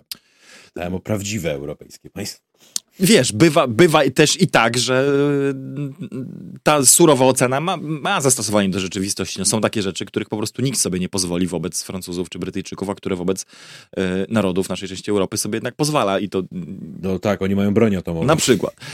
No ale Wartime przekonuje, że Rosja, że, że to jest właściwie strategicznie istotne dla Rosji, żeby to pokazać, bo jeżeli udowodni, że NATO Y, nie jest strukturą, która działa jednomyślnie wobec takiej Polski, no to tym bardziej nie będzie działała y, w przypadku Ukrainy. Tak? No i y, ten incydent by się, gdyby szukać takiego wielkiego panoramicznego spojrzenia na całą sytuację, trochę w tą logikę wpisywał. Tak? Znaczy pokazanie, że my możemy tutaj raz, że trochę, trochę ośmieszyć zachodnie struktury, a trochę też cały czas je próbować. No bo jeżeli wpuścimy helikoptery, to co się stanie, jak wpuścimy żołnierzy? A jeżeli wleci jedna rakieta, to co stanie się, jak wlecą dwie albo trzy? I tak dalej, i tak dalej. A co stanie się, jak omyłkowo, cudzysłów, jakaś grupa y, y, bojowa przekroczy granicę albo gdzieś się zapodzieje w regionie Białowieży?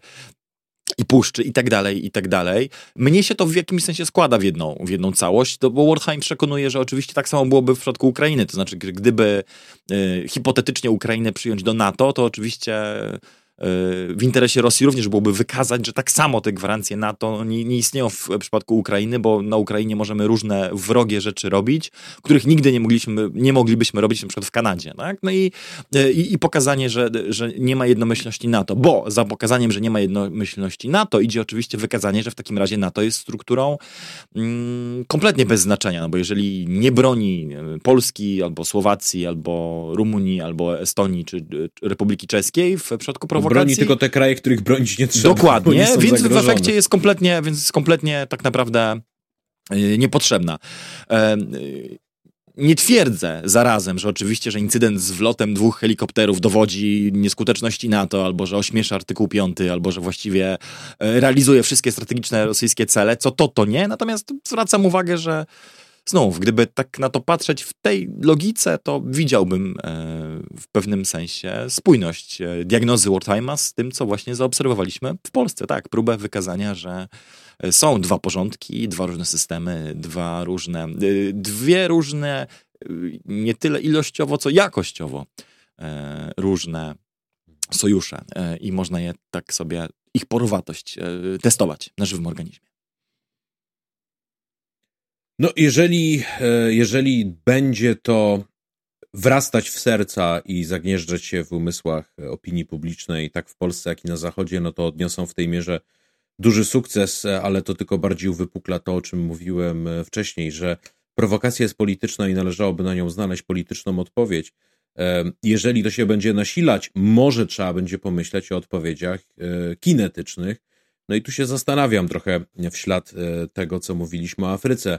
No wiesz, skoro oni mają grupę Wagnera, no to może my powinniśmy powołać jakąś międzynarodową e, grupę Chopina albo grupę Moniuszki, która również e, szalałaby gdzieś tam na zapleczu i zawsze można byłoby powiedzieć, że ona z władzami Rzeczpospolitej nie ma nic wspólnego. E, albo może od czasu do czasu, skoro tyle wyświadczamy grzeczności Ukrainie, to oni też mogliby nam od czasu do czasu jakąś wyświadczyć. No i można byłoby na przykład dokonywać odpowiedzi via Ukraina, to znaczy powiedzieć Ukraińcom e, zestrzelcie białoruski helikopter, Polska powie, że jest, jest strasznie przejęta e, e, losami załogi, solidaryzuje się w bólu e, z rodzinami, no ale będzie wiadomo, mm, kto to, że tak powiem, zlecił.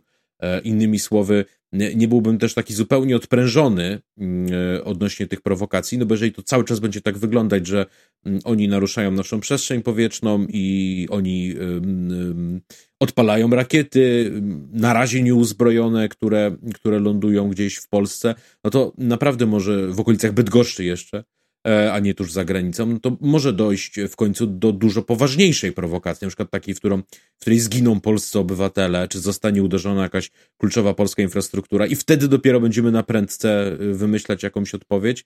E, no, skupiłbym się w tym momencie na tym, że działamy w logice E, wojny e, hybrydowej i powinniśmy mieć tą, że przemówi Jackiem Bartosiakiem. No nie, zabrałeś mi żart, bo właśnie cały czas się, zabrałeś mi żart, bo przez całą twoją wypowiedź się zbierałem do tego, że powiedzieć, że mówisz do mnie Jackiem Bartosiakiem i że znać wiernego czytelnika.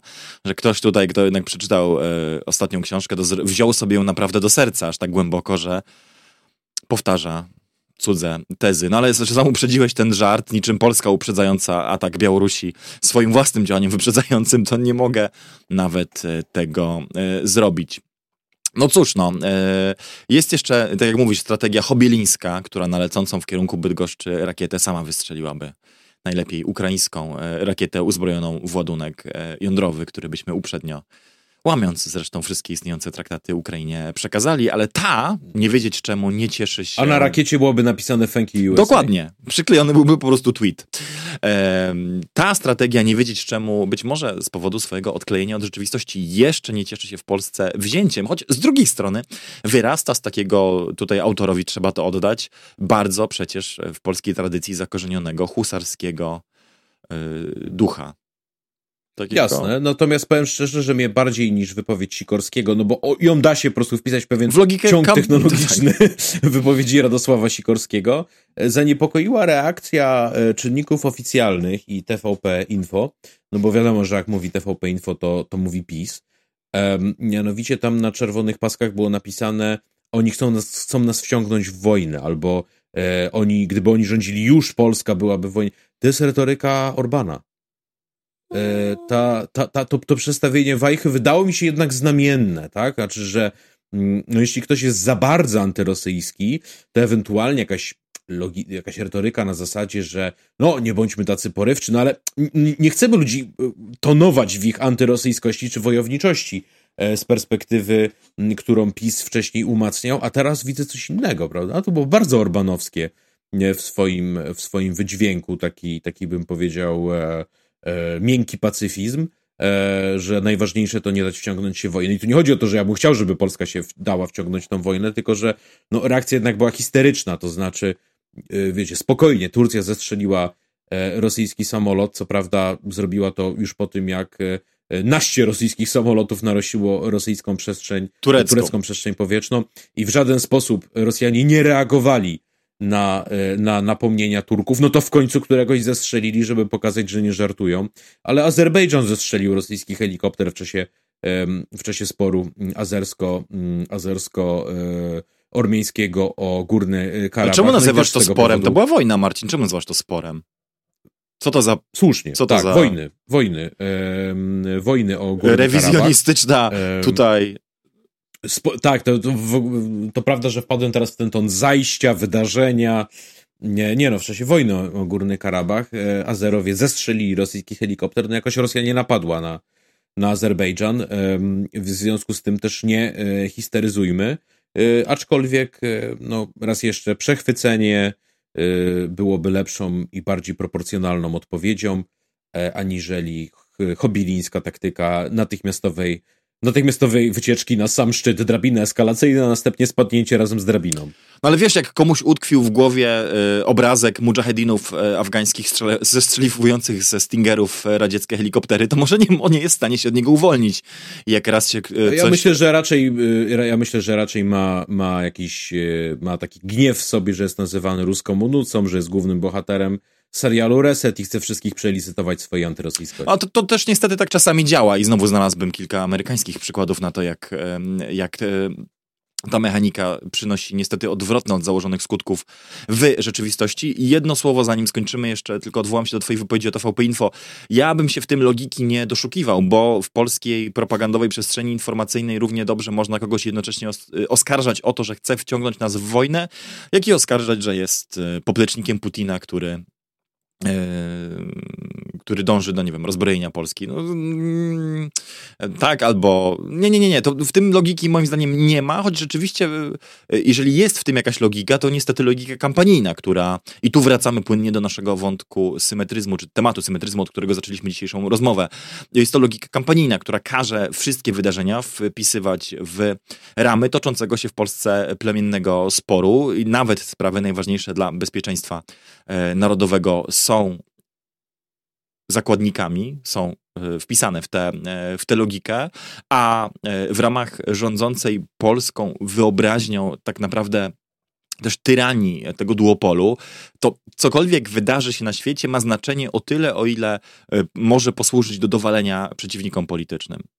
Znaczy, coś jest ważne tylko o tyle, o ile jest to poręcznym narzędziem do uderzenia w Tuska lub w Kaczyńskiego. Znaczy, tak wygląda ten świat i w tym sensie niestety, mówię to z, oczywiście z rozgoryczeniem, nie powinno być dla nas zaskoczeniem, że i interwencja, incydent z białoruskimi helikopterami przez niektórych jest rozpatrywany w tych kategoriach. Jeżeli można za jego pomocą dowalić opozycji, no to świetnie, albo jeżeli można w ten sposób dowalić Kaczyńskiemu, to świetnie. Natomiast jakaś ponadpartyjna logika e, zainteresowania się tym, co wspólne, państwowej, to, co w interesie Polski, temu umyka. Ale tu z kolei ja przemówiłem e, moim wewnętrznym Witoldem Juraszem, którego serdecznie pozdrawiamy. Więc już skoro przywołaliśmy duchy dwóch e, największych nemezis polskiej debaty e, międzynarodowo-geopolitycznej, możemy chyba postawić kropkę i przejść do znanych i lubianych left krok. Y, komendacji. Idziemy dzisiaj na rekord, Marcinie. Jeżeli ktoś nas w tym momencie słucha, to powinien, powinna sobie uświadomić, że jest w najdłuższym chyba historycznie y, już y, odcinku programu Dwie lewe ręce, a my się o zgrozo jeszcze nie zdążyliśmy zatrzymać. Także znany i lubiany segment Left Komendacje, w którym polecamy cenione przez nas książki, artykuły, analizy, filmy, gry i inicjatywy które, jak sądzimy, warte są i waszej uwagi. Dzisiaj zacznie Marcin. Z dużą przyjemnością. Słuchajcie, ja jeszcze raz polecam książkę, tak jak poprzednio.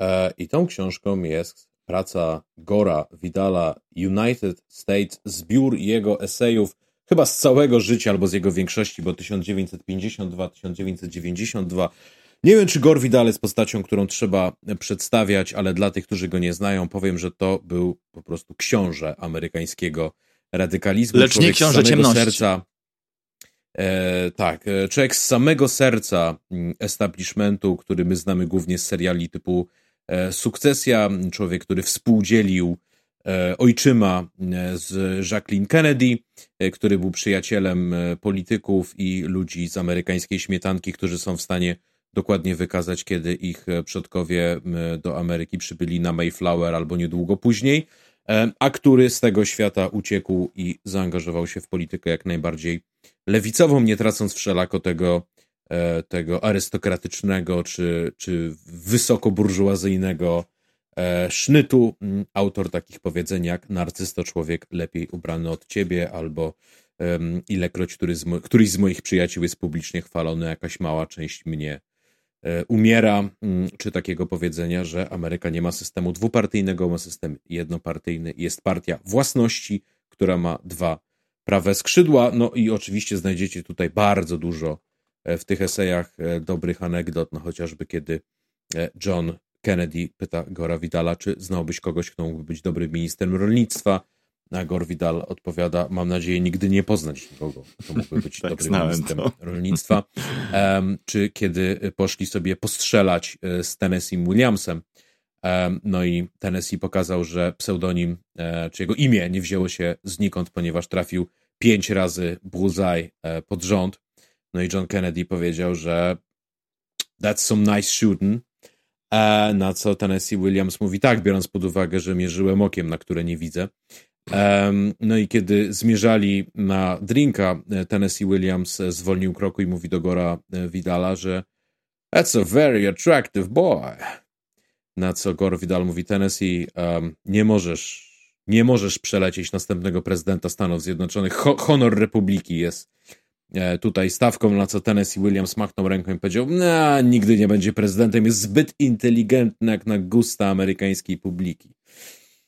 Więc Gore Vidal, United States, e, jeżeli, jeżeli tej książki gdzieś tam na międzynarodowych e, sklepach nie wypatrzycie, czy to Marcin wam ją pożyczy. będzie dla was nieprzystępna, to albo wam ją pożyczę, albo możecie zrobić rzecz dużo prostszą, sięgnąć po jego książki, które są na polski przetłumaczone, takie jak Stworzenie Świata, albo po prostu wpisać w YouTube'a Gore Vidal, zobaczyć jego wywiady z nim, zobaczyć jego wykłady. Uwierzcie mi, że to będzie uczta.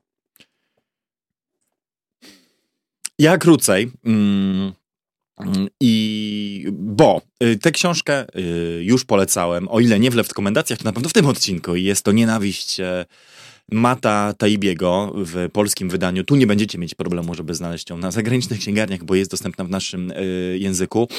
Y, I należy ją czytać, jak sądzę, z tym założeniem, które poczyniłem dzisiaj wcześniej w programie. To znaczy, że nie jest to książka o Polsce. Nie są wszystkie konteksty y, jednoznacznie do nas przykładalne i że Taibi też oczywiście opisuje pewien moment w czasie i sylwetki, zdarzenia i, przygody ludzi, którzy, którzy się w owym czasie znaleźli, ale jednak kilka fundamentalnych e, diagnoz albo kilka zasadniczych grzechów debaty publicznej, które on wylicza, e, bardzo pasuje do nas i można sobie e, ten, ten rozdział dobrze przyswoić.